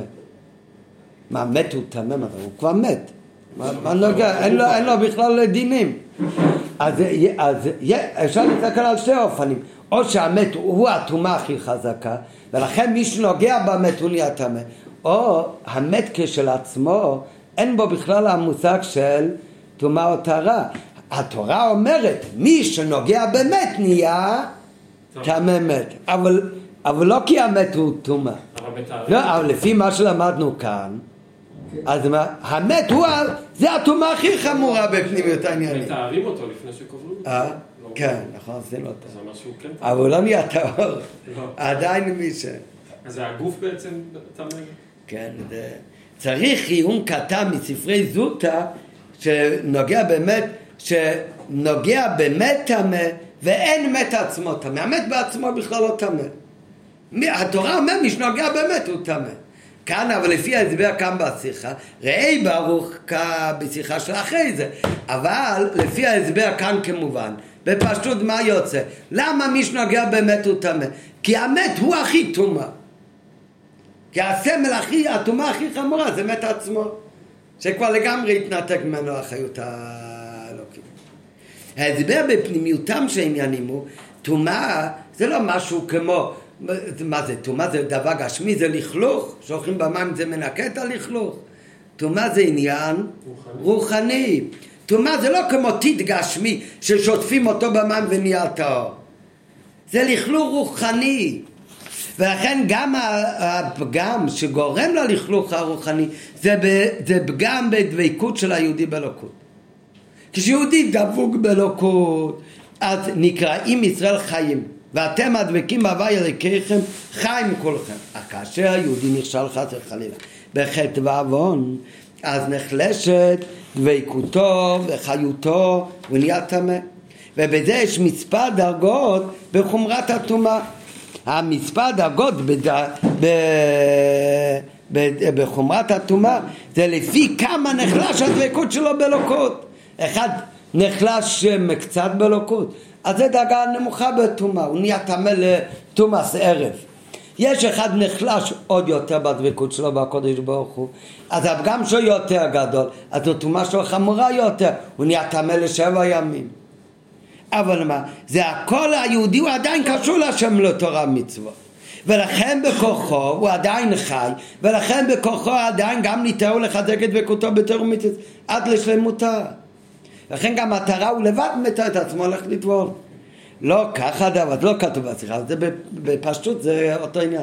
לעומת זאת, כאשר יהודי עובר חס וחלילה על רצון השם, באופן כזה שהוא מתנתק לחלוטין מדבקותו באלוקות, הוא כבר לגמרי התנתק מחיים רוחניים, שזה פירוש מיתה רוחנית, זה הכוונה שהוא נקרא טמא מת, ברוכניס הוא מת לגמרי, וזה גורם למיטה גשמית שממנה נובעת העניין של טומאת מת. לפיכך כשמגיע לכזאת טומאה, נתקעקמו פניו של משה רבנו. אומר כזה דבר, אי אפשר כבר להתאר. כל זמן שהוא חי, נשאר לו משהו מהחיות אלוקית, אז זה ישפיע אחר כך להחיות מחדש ולתאר את כל הגוף. אבל ברגע שנעשה כבר לגמרי ניתוק, נתקע כמו פניו של הוא תמה, איך אפשר להתאר מטומאת מת? טומאה שבאה מצד גוף מת, מה כאן באה מצד גוף מת? לא שהשני הוא בעצמו, שהוא ניתק לחלוטין מאלוקות ומתר ומצווה. ועוד, זה הכל מצד הגוף, הנשמה מצד עצמה באמת, גם בשעת החטא הייתה, באומנה איתו, הנשמה מצד עצמו תמיד דבוקה בקדוש ברוך אבל היהודי הזה כבר לגמרי התנתק מהנשמה שלו. הוא נהיה בבחינת מייס. אז כאן נתקע כמו פניו של משה. על זה עונה הקדוש ברוך הוא למשה רבינו, זאת חוקת התורה. זה הכוח של התורה. הכוח של התורה, גם אם עכשיו התנתק לגמרי, אבל הגוף הזה, הוא פעם קיים תרומיצס. אז לכן עדיין יכול להיות לו טהרה, אפילו שעכשיו כבר אין לו בגלוי שום שייכות. גם כאשר הגוף מנותק כבר מן הנשמה, מן התרומיצס, יכולה הנשמה שהיא נצחית, היא חלק הלקה ממעלה ממש, אשר בהיותה בגוף זה למדה תורה וקיימה מצוות. כשהנשמה הייתה מחוברת והעירה על הגוף, היא קיימה תורה ומצוות על ידי הגוף, אז היא יכולה להשאיר בגוף רושם נצחי של קדושת הנשמה והתורה באופן כזה שגם כשהתנתק לגמרי מתר ומיצס עדיין יכולה להתאר הטומאה שנובעת מגוף מת. כן? אבל זה רק באופן של זאת חוקת התורה. למה צריך על זה עניין של חוקה? כי זה אין בזה הסבר בשכל. על פי שכל, כשהוא מחובר גם בהכי קצת, אז הוא יכול להשפיע עליו. כשהוא מנותק ממנו, הוא כבר לא יכול להשפיע עליו. זה עניין של חוקה, שאפילו שהוא מנותק ממנו, הוא עדיין יכול להשפיע עליו ולתאר אותו. אז זה, זאת חוקת התורה. כאילו אם בן אדם... אה, אה? כאילו אם בן אדם אה, מתנתק במובן... על, כן, הכל במובן רוחני. וזה אפשר לתפוס בשכל. נכון, למה? אך כל זהו חוקה נעלה מיסר, נדלג על התורה. זה נעלה משכל והבנה. כי לפי הבנת הנבראים, יכול דבר להשפיע על השני רק כאשר יש ביניהם קשר. כל זמן שיש לנו קשר, אני יכול להשפיע עליך. כשאין לנו קשר אחד עם השני, אפשר להשפיע על השני. ולא כאשר הם ניתקים ונעשים, לא רק ניתקים, אלא יותר מזה התנתקו ונעשו, הופכים לגמרי. היהודי במה הוא התנתק לגמרי? מה זה ברוחניות שאמרנו מקודם, טומאת מת? שהבן אדם הוא לגמרי התנתק, הוא פגם כל כך נגד רצון השם. אז זאת אומרת, זה לא רק שאין כאן קשר חיובי, זה עניין שלילי, הוא התנתק לגמרי, הוא נהיה נגד. הוא לא נתן יותר לנשמה בכלל להעיר בו. נו, אז כאן לכאורה הנשמה גם לא יכולה כבר להשפיע עליו. הם נעשו הופכים אם הם לא היו נעשים הופכים. אז יש דברים שהקשר היה, עכשיו אין קשר בגלוי. אבל עדיין בגלל הקשר הקודם אולי עדיין יכול להשפיע עליו. אבל כשזה נעשה הופכים, אז עכשיו זה לגמרי קרו את הקשר. דבר זה ייתכן רק מכוח הבורא שנעלה מכל מגבלות. זה רק מצד כוח הקדוש ברוך שהכל יוכל יכול דבר להשפיע על השני גם כשהם כבר לא קשורים. ולכן זאת חוקת התורה כדי שיהיה טהרה גם לעניין של טומאת מת. כי מצד השכל, גם מצד שכל של הבנה והצגה שבתורה, ברגע שהתנתק לגמרי זה כבר לא יכול להשפיע אחד על השני. דרך אגב, בסוגריים מה הוא מוסיף כאן? שבאמת כתוב שצדיקים אינם מטמאים. אנחנו יודעים להלכה, כן, כל מי שחזר עכשיו מהעול יודע שאצלנו המנהג שאפילו כהן נכנס לקבר של צדיק, אז שלא יעמוד במקום שהוא יכול, אם זה הקבר הרגיל, הוא יכול לקבל טומאה. אבל יש כאלה שבכלל לא מקפידים על זה, כי כתוב צדיקים לא מטמאים. מה באמת ההסבר בזה? אמרנו מקודם, מה זה המושג של טומאה? שברגע שהנשמה נפרדה מהגוף, אז לא נשאר כאן שום רושם מהנשמה אלוקית, שזה עניין של טהרה. אז אכן הגוף הוא עניין של טומאה, התנתק מהמקור שלו, זה עניין של טומאה. אבל צדיק, הרי כתוב שהצדיק, מה, מה צדיק פה? שכל החיות שלו, גם החיות הגשמית שלו, כמו מי שלמד השבוע בצימוך חוזן בתניא, שגם החיות הגשמית שלו, מה עיקר עניינו? עיקר החיות הגשמית, גם שהגוף שלו זה היה אהבת השם, יראת השם, עבודת השם ואמונה, זה היה כל החיות שלו. הגוף שלו זה רק, הוא הפך את הגוף שלו אמצעי רק לעבודת השם. אצל כל יהודי זה צריך להיות ככה, אצל כל יהודי זה לא כל העניין של היד, אני מרגיש את היד כדבר בפני עצמו. אצל צדיק הוא כל כך מזכך את הגוף שלו, שכל עניינו של צדיק זה עבודת השם. אה וירא ואמונה, הקודש ברוך הוא רוצה שיניחו תפילין, בלי יד אפשר להניח תפילין? לא. אז לכן יש לו ליד, כך מרגיש הצדיק. כל היד זה רק אמצעי של הנחת תפילין, זה בכלל לא עניין בפני עצמו. אז לכן אצל הצדיק הוא פעל שכל הגוף, כל עניינו של גוף זה רק עניין נשמתי, זה רק רוחניס. ולכן אצל הצדיק, גם אחרי פטירתו, אז כתוב צדיקים אינם מטמאים, כי אצלם באמת הגוף תמיד נשאר בגלוי הרושם, כי הוא פעל על הגוף, שבגילוי נהגה שעניינו זה גם כן דבקות ואתם הדבקים בהשם אלוקיכם. אצל יהודי רגיל אצל יהודי רגיל, איפה יש את העניין של הדבקות? זה מצד הנשמה, בגוף זה לא ניקה, רק הנשמה פועלת על הגוף. אבל יש לומר שזה אחד ההסברים בפנימיות למה שחז"ל אמרו שצדיקים אינם מטמאים. כי מהותם, הוא מביא כאן מהרמב"ן אחר, ואנחנו כבר אמרנו שתוספות מביא את זה, שאחד מבעל יותר שנטמע לרבי שלו, למה? מכיוון שצדיקים אינם מטמאים. למדנו על אליהו הנביא שלקח את אה, רבי עקיבא פעם. מהרוגי מלכות הוציא אותם, הוא היה כהן, איך הוא יכול להתאמן לרבי עקיבא? אז יש כמה תירוצים שהוא מצמיד, ויש צדיקים לא מטמאים. כי מהות הגוש של צדיק, היא המהות של הגוש שלו הפך להיות הנשמה אלוקית. כי החיי צדיק זה לא חיים קצרים, כי הם חיים רוחנים שהם אמונה ועיר ואהבה. אה, יש לו גוף גשמי, הגוף הוא כל כולו רק כלי שאיתו יכול לפעול הנשמה. אז כל כולו, המהות של הגוף הופך להיות גם כן כחלק מהפעולה של הנשמה. ועל כך מתבססת חיו גופו. ואם כך כמובן שאצלו, גם כאשר נשמה יוצא מן הגוף, נשארת בו בתוך הגוף השפעה נצחית. כי הגוף עצמו אצלו יזדכך והפך להיות בדקות. אבל להלכה זה לא להלכה. אה? זה לא להלכה. זה לא להלכה, זה... כתוב בקיצור שולחן ערוך. תלוי, תלוי. כתוב בקיצור שולחן ערוך שכהנים שמשתתפים על קברי צדיקים אין להם אז זה, יש מחלוקת, יש מחלוקת, יש בזה דעות לכאן ויש דעות לכאן. נכון, הרב אומר שיחמירו ולכן גם באוהל וגם אה, כך בנו הם, אה, הם גם הרב השב שאין אה, תקרה, למה אין תקרה באוהל? שלא יהיה אוהל. כדי שכהנים יכולים להיכנס. ולכן באמת חב"דניק שהולך ל... אפילו למירון לא ייכנס לתוך החדר שלו. אבל כל האחרים, מלא שהולכים בצורה פשטות. כהנים? גם כהנים, כן, יש מלא. בכבד לא. לא, בחב"ד. אבל יש מלא שהולכים במירון, נכנסים כהנים. רשב"י מטמא, מה זאת אומרת? חז"ל אמרו צדיקים לא מטמאים, זה כפשוטו, זה משחק מילים? זה היה בחב"ד אה, אז כי אם נגיע להלכה למעשה, זה לאו דאורייתא, אז נחשוש גם לדעה שאומרת שזה לא חלק.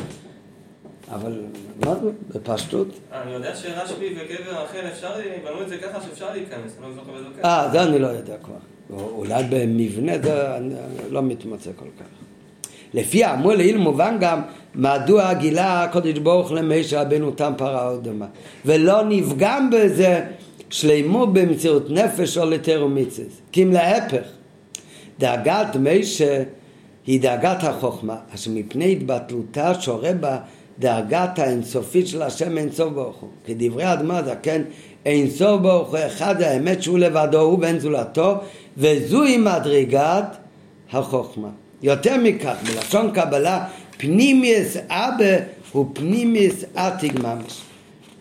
והכוונה, מקור החוכמה הוא בדאגה נעלי ביותר של הכתר שכביכול עצמותו יתברך.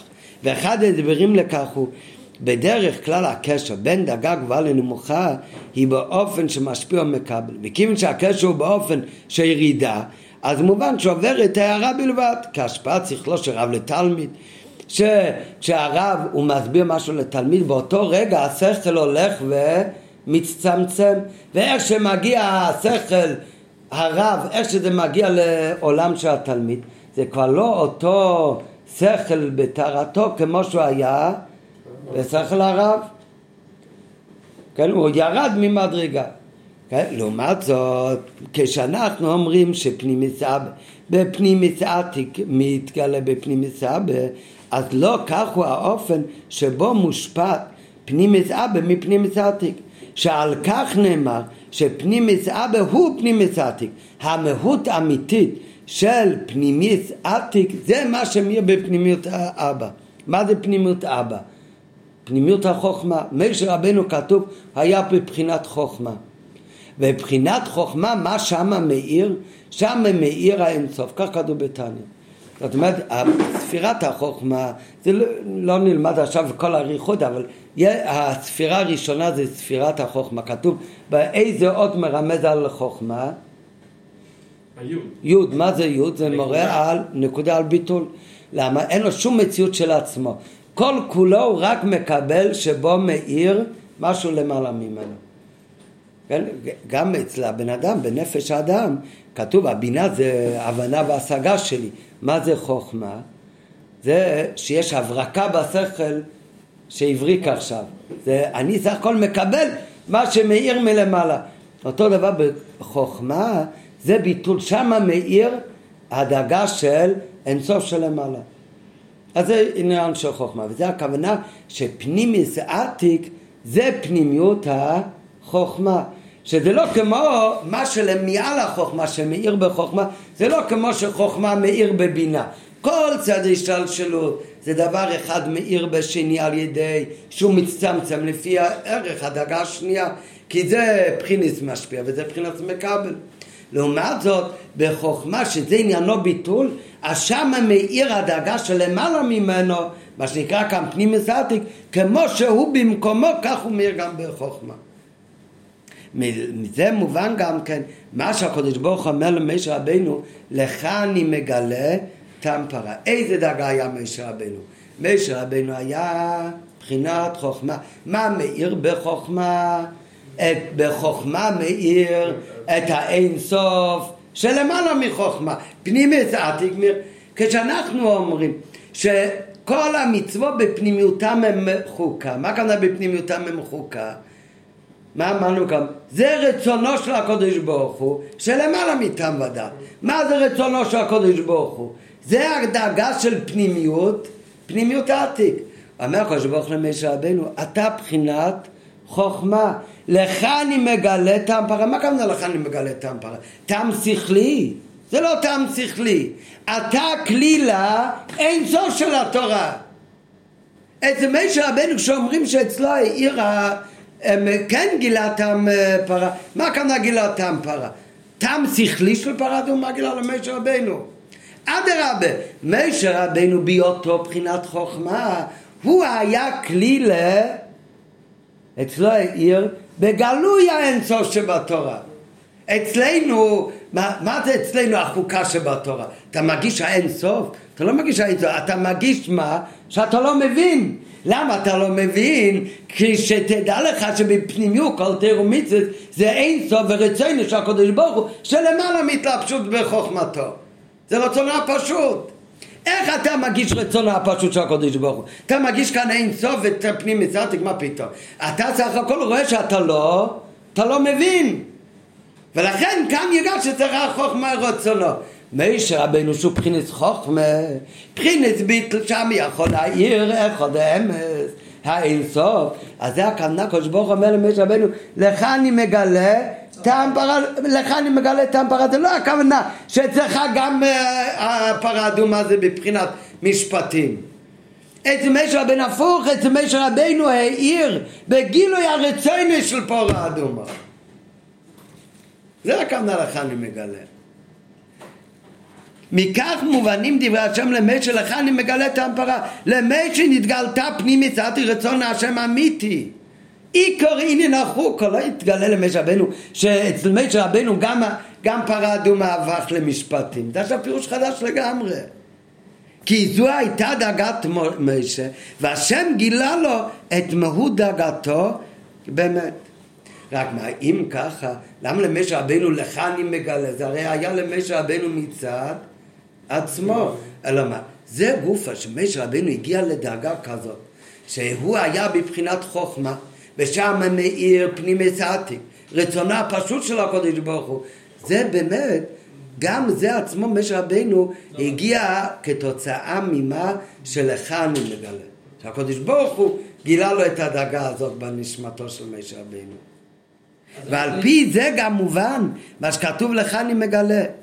שבפשטות מה משמע מזה? שעד לאותו רגע גם משה רבינו לא ידע בהערה 70. למה? כי באמת בהתחלה משה רבינו לא היה בדאגה של פנימיות אבא. שבפנימיס אבא זה פנימיס עתיק.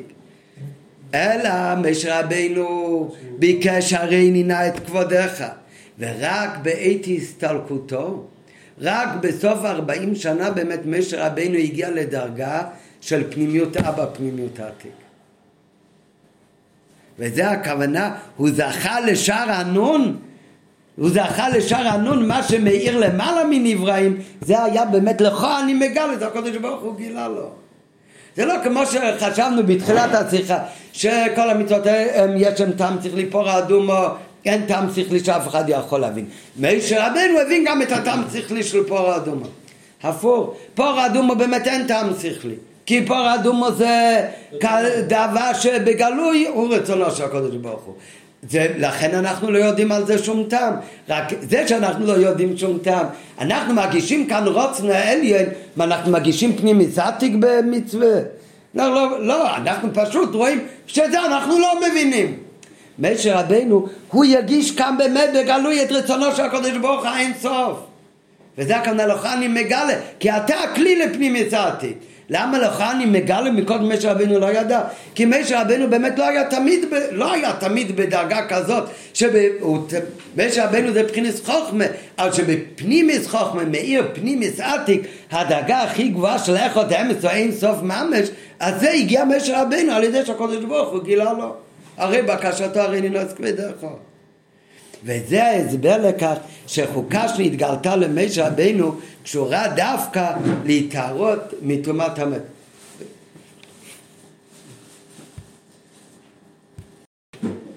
לפי זה מובן גם כן מה זה שהעניין שלך אני מגלה טעם פרה לא גרם חס וחלילה לא, סליחה, בקודם אותיות זה ההסבר שחוקה שנתגלתה למשה קשור דווקא לעניין של התארות מטומאת מת. כאשר ההשפעה היא באופן של משפיע או מקבל, וזה נעשה באופן של ירידה, אז תמיד מגיע, כמו שאמרנו, רק הערה.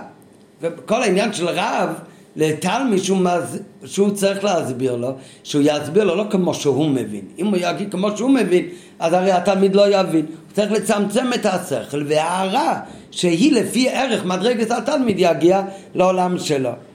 כי העלם, כי המקבל נשאר עדיין מציאות נבדלת מן המשפיע ולכן המשפיע צריך להתחשב במגבלות של התלמיד. כי התלמיד הוא הרי מציאות בפני עצמו. אתה לא יכול לדבר אליו כמו שאתה מדבר לעצמך כי הוא מציאות בפני עצמו ויש את המגבלות שלו וצריך לצמצם לפי ערך המקבל ולכן גם מה שיגיע למקבל זה רק הערה בעלמא משכל הרב לעומת זאת, כאשר ההשפעה היא לא באופן ירידה והערה בלבד, כמו שמה שאמרנו מקודם פנים עתיק מאיר בפנים מסבא, אלא השפעה של עצם המהות ממש, כמו פנים מסבא, אז לא אומרים שההשפעה היא רק כאשר יש קשר ומציאות המקבל נשארת מובדלת. מקום שמשפיעה העצמיות ממש נעשה הכל למהות של עצם אלוקות.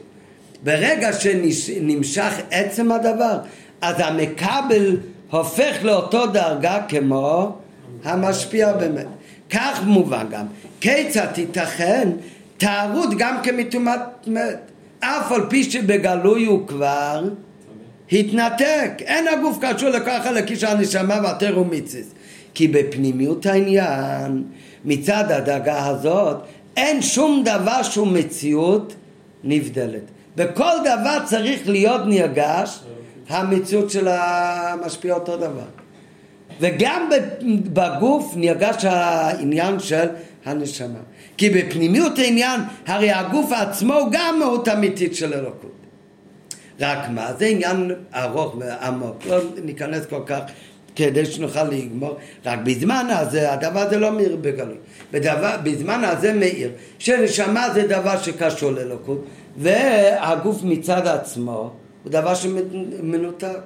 ולכן ברגע שהנשמה לא מאירה בגילוי בגוף, אז הגוף זה דבר שאיבד את כל השייכות שלו לעניין אלוקי. אבל בזמן הזה לא מאיר. לעתיד לבוא באמת, יאיר שגם הגוף עצמו גם כן גוף קדוש. שגם בגוף יש אלוקות, כמו בנשמה. עכשיו השפעה עצמית אלוקות זה לא בגלוי, ולכן מתאפשרת טומאת מת וההתארות ממנו היא חוקה, ולכן בזמן הזה זה באמת לא על פי שכל, זה עניין של חוקה. כי בגלוי בזמן הזה באמת כבר אין קשר בין נשמה בגוף בדאגה של טומאת מת. לעתיד לבוא, כאשר ההשפעה היא תהיה מעצמיות הלוקות, תהיה בגלוי, אז יהיה בגילוי פנימי עתיק, זה מה שיעיר לעתיד לבוא.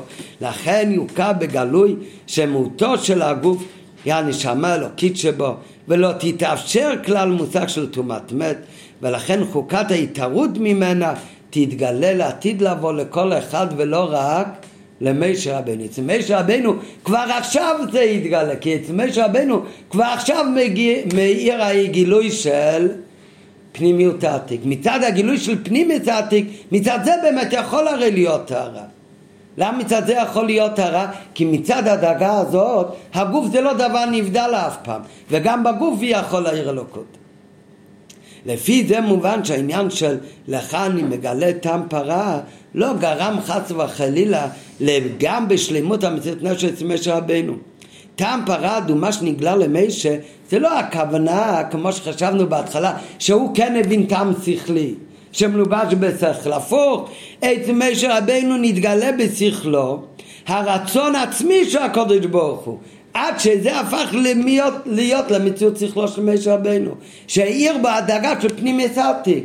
לא שהעיר בו עניין של ההבנה השכלית כאילו הוא לא הבין את הצמצום של הסיבה, הוא לא היה צריך את הצמצום של הסיבה, אלא למה השם רוצה שזה יהיה. לא למה, אצלו העיר פנימיות הרצון של הקודש ברוך הוא. האין סוף של המצווה. הפנימי זה עתיק. מה זה אומר ביחס לפרה אדומה? שבפרה אדומה אין טעם שכלי. בפרה אדומה זה שיכול להיות התערות זה רק מדאגה של חוקה. מה זה מצד עניין של חוקה? הכוונה מצד פנימיות עתיק. מצד פנימיות עתיק שום דבר כולל הגוף לא יכול להיות נבדל מאלוקות. רק אצל בן אדם זה לא מאיר בגלוי. בזמן הזה זה לא מאיר בגלוי. מה שמאיר בגלוי, שהגוף כן יכול להיות נבדל מאלוקות. אצל מישר רבנו גילה טעם פרה, מה הכוונה? לא שגילה לו טעם שכלי. את משה רבנו התגלה העניין של פנימיות עתיק, כי הוא היה פנימיס חוכמה. זאת אומרת, משה רבנו העיר כבר בגלוי מה שלעתיד לבוא יעיר אצל כולם, שאין דבר שהוא נבדל מאלוקות. כי הוא בדאגה של פנימיס עתיק. זה הכנה לך אני מגלה טעם פרה. לא? ואדרבה, איפה יכול להיות גם במציאות נפש? איפה שלא נרגש העניין של חוקה. זה אצל מי שנרגש למציאות נבדלת, שלא נרגש שם הפנים עתיק. ואז צריך להגיד שלא ידע, שיהיה מצווה בלי טעם שכלי. אז אצלו, זה עצמו יכול לעורר אצלו את העניין שכל ההתבטלות במצוות יהיו רק כדי מסירות נפש. אבל אצל משה רבנו, לכתחילה לא יכול להיות חלישות בדאגה של מסירות נפש. כי אצל משה רבנו העיר את הפנים מצאתי כבר עכשיו, לך אני מגלה את ההמפרה. מה הכוונה שמאיר פנים מצאתי? שאין שום דבר חוץ מאלוקות, זה לא כמו משפיע ומקבל, שגם בעולם של הרב יש מציאות נבדלת שזה התלמיד. אז יכול להיות שהם מחוברים, יכול להיות שהם מובדלים. מצד עצמוס, מצד פנים מצאתי, אין מציאות נבדלת. לא ולכן גם הגוף הוא גוף קדוש. לא היה עוד מישהו בדרגה כזאת? אה? לא, רק משה רבנו. לעתיד לבוא רק יתגלה פנים מסעתי. שלמה המלך גם לא ידע? נכ- נכון, ולכן משה רבנו, אבל זה העניין, מה שאמרנו בתחילת השיחה, ששלמה המלך אמר, חכמה ורחוקה ממני, על מה הוא אמר רחוקה ממני? אוי, בפשוט יכוון על טעם שכלי, כי אין טעם שכלי על פור אדומה. ומה שאומרים למשה רבנו, לך אני מגלה טעם, אז זה לא הכוונה אותו טעם שעליו אומר שלמה המלך רחוקה ממני. אלא, אלא הכוונה אצל משה רבנו, לך אני מגלה טעם, הטעם זה הכוונה תוכן פנימי של מושג חוקו, לא של משפטים. לך אני מגלה טעם פור, לך אני מגלה כבר עכשיו עניין של פנימי סעתיק. לכן אמרת שזו שיחה חשובה בכלל, כן. בעניין של חוקה. נכון. איזה עוד חוקים? זה יסוד של כל הזה, נראה לי. החוקים האחרים הם לא כמו פור אדומו. בפשוט החוקים, זה בפנימו כל תירומיצס. אבל בפנימו, בגלוי בחוקה, שכתוב דווקא על פרה אדומה זאת חוקת הפרה.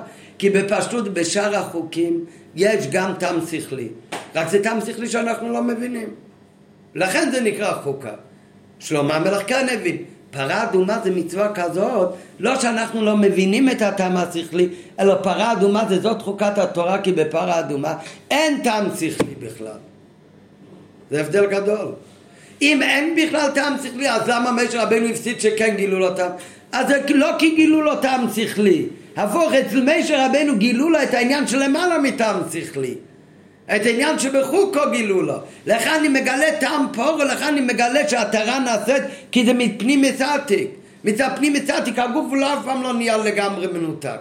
כי הגוף מצד עצמו גם כן אלוקות. וזה היה דאגה של משה רבנו שאצלו זה יהיה. יש לומר שזה גם הקשר בין פרשת חוקס לבין יובי זוגים לטעם חג הגאולה של הרב הקודם. ועל השמחה והגאולה היה חדור בעבודה של מציאות נפש בפועל. במיוחד בעבודה של הרבצת התורה במדינה ההיא, שבו היה מסר, שבה נדרשת מציאות נפש, שכל עניין של תר ומצוות מן הכללי ביותר ועד הפרט הקטן ביותר באותה תקופה היה כרוך במציאות נפש. לפיכך היה גאולה מן המסר באופן שביחד עם היותה נס גלוי שמעל לטבע, היא התלבשה והתיישמה גם בטבע. מה ההסבר לכך? בהנהגת השם בעולם יש מספר אופנים כדלהלן. באופן כללי זה מתחלק לשתיים. הנהגה טבעית, שכתוב בחסידס שזה מגיע מאיזה אור אלוקי, מאור שנקרא ממה לכל עלמין. שם אלוקים, נכון? ויש הנהגה ניסית, שזה מאור הסבב כל העלמין, שלמעלה. שם הוויה. אז זה, הנהגה טבעית נובעת משם אלוקים. אלוקים זה בגימטריה הטבע, זה דרגת אלוקות שהיא מלובשת בעולם, והעולם תופס מקום בדרגה הזאת, כמו התלמיד שתופס מקום אצל וזה נקרא הדרגה שממלא כל העולם. אחר כך יש הנהגת ניסית בעולם, כאשר הנהגת הטבע מתבטלת, והדרגה הזאת נובע משם הוויה שלמעלה מטבע. זה דרגת אלוקות שמעל לעולם. זה הדרגה שנקרא בחסידס סבב כל העולם. ולכן היא מתבטאת סבב כל העם לא נותן מקום לעולמות ולכן זה מתבטא בזה שמתבטל טבע העולם. הניסים הם שוברים את טבע העולם. לא, אחר כך יש סוג שלישי. מה הסוג שלישי? שקורה נס שהנס הוא מאיזה דרגה? סובב כל אבל הנס מתלבש בטבע. בתוך הממלא. זה דבר והיפוכו זה שתי הופכים ויש ניסים שמבשים בטבע. הם נובעים מאיזה דרגה? הם נובעים מדרגה אלוקית גבוה יותר, שהיא נעלית יותר גם משם אבל גם משם אלוקים. כדי לחבר בין שתי דברים צריך על ידי דבר שנעלה משתיהם גם יחד.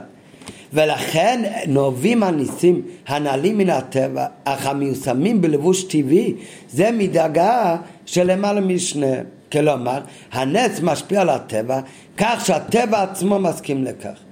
איפה היה כזה נס? הנס של פורים. מצד אחד זה היה רצוף ניסים, אבל הם היו מיושמים בדרכי הטבע. עד כדי כך שהפה שאסר, אחשוורש שעשה את הגזירה, הוא עצמו, הראש עצמו הוא זה שאחר כך הפה שהתיר. זאת אומרת, הטבע עצמו התהפך. זה נס למעלה מטבע, אבל הוא התלבש בתוך הטבע. זה מגיע משורש נעלה משתיהם. אותו דבר היה ביו בית זוגים לתמוז. אלה שעשו את הרב הרייץ לא התבטלו, הם נשארו גם קומוניסטים, נשארו גם כן רשעים, אבל הפה שאסר הוא הפה שהתיר הם עצמם היו אחר כך חייבים לשחרר אותו ולעזור לו. בדומה לכך הייתה הגאולה של בעל השמחי שאותם אנשים שציוו לאסור אותו הם עצמם הוכרחו לצוות על שחרורו. וזה בדומה לעניין של פנימיות אבא ופנימיות עתיק. מה אמרנו? מה זה פנימיות אבא ופנימיות עתיק? מצד חיצוניות העתיק. אז תמיד יש דאגה שנותן מקום לדבר שיהיה נבדל מלוקות. מצד פנימיות אבא אין שום דבר שיכול בכלל להיות מנותק מאלוקות. אז אותו דבר זה היה ביובי סתם, זה התגלה ששום דבר, אפילו אותם אלה שעשו את הרבה הקודם, שעשו את הגזירות על תואר המצוות, בפנימיות כשמתגלה פנימיוס עתיק, אין שום דבר שהוא באמת מנותק ומובדל מאלוקות. ולכן הם עצמם היו חייבים לשחרר ולעזור אחר כך להבצת תורה מצוות. וזה בדומה לעניין של פנימיס אבא, הוא פנימיס עתיק, כאשר ירד שפע כזה לעולם, איך זה מתגלה כזה דאגה? על ידי כוח המסירות נפש, על ידי המסירות נפש שהיה לרבה הקודם, בעל השמחה והגולה, שזה היה כל, שזה הייתה מהותו, אז זה לא ביטל את טבע העולם, אלא הוא גילה שגם טבע העולם בעצמו, פנים אבא ופנים עתיק, אלא הדבר זה עצמו הפך למציאות של טבע שסייע לקדושה. טוב, החצי, החלק האחרון למדנו קצת מהר, זה דברים עמוקים מאוד, אבל כל קטע צריך להקדיש שיעור בפני עצמו, אבל על כל פנים למדנו את כללות העניין שיהיה מובן.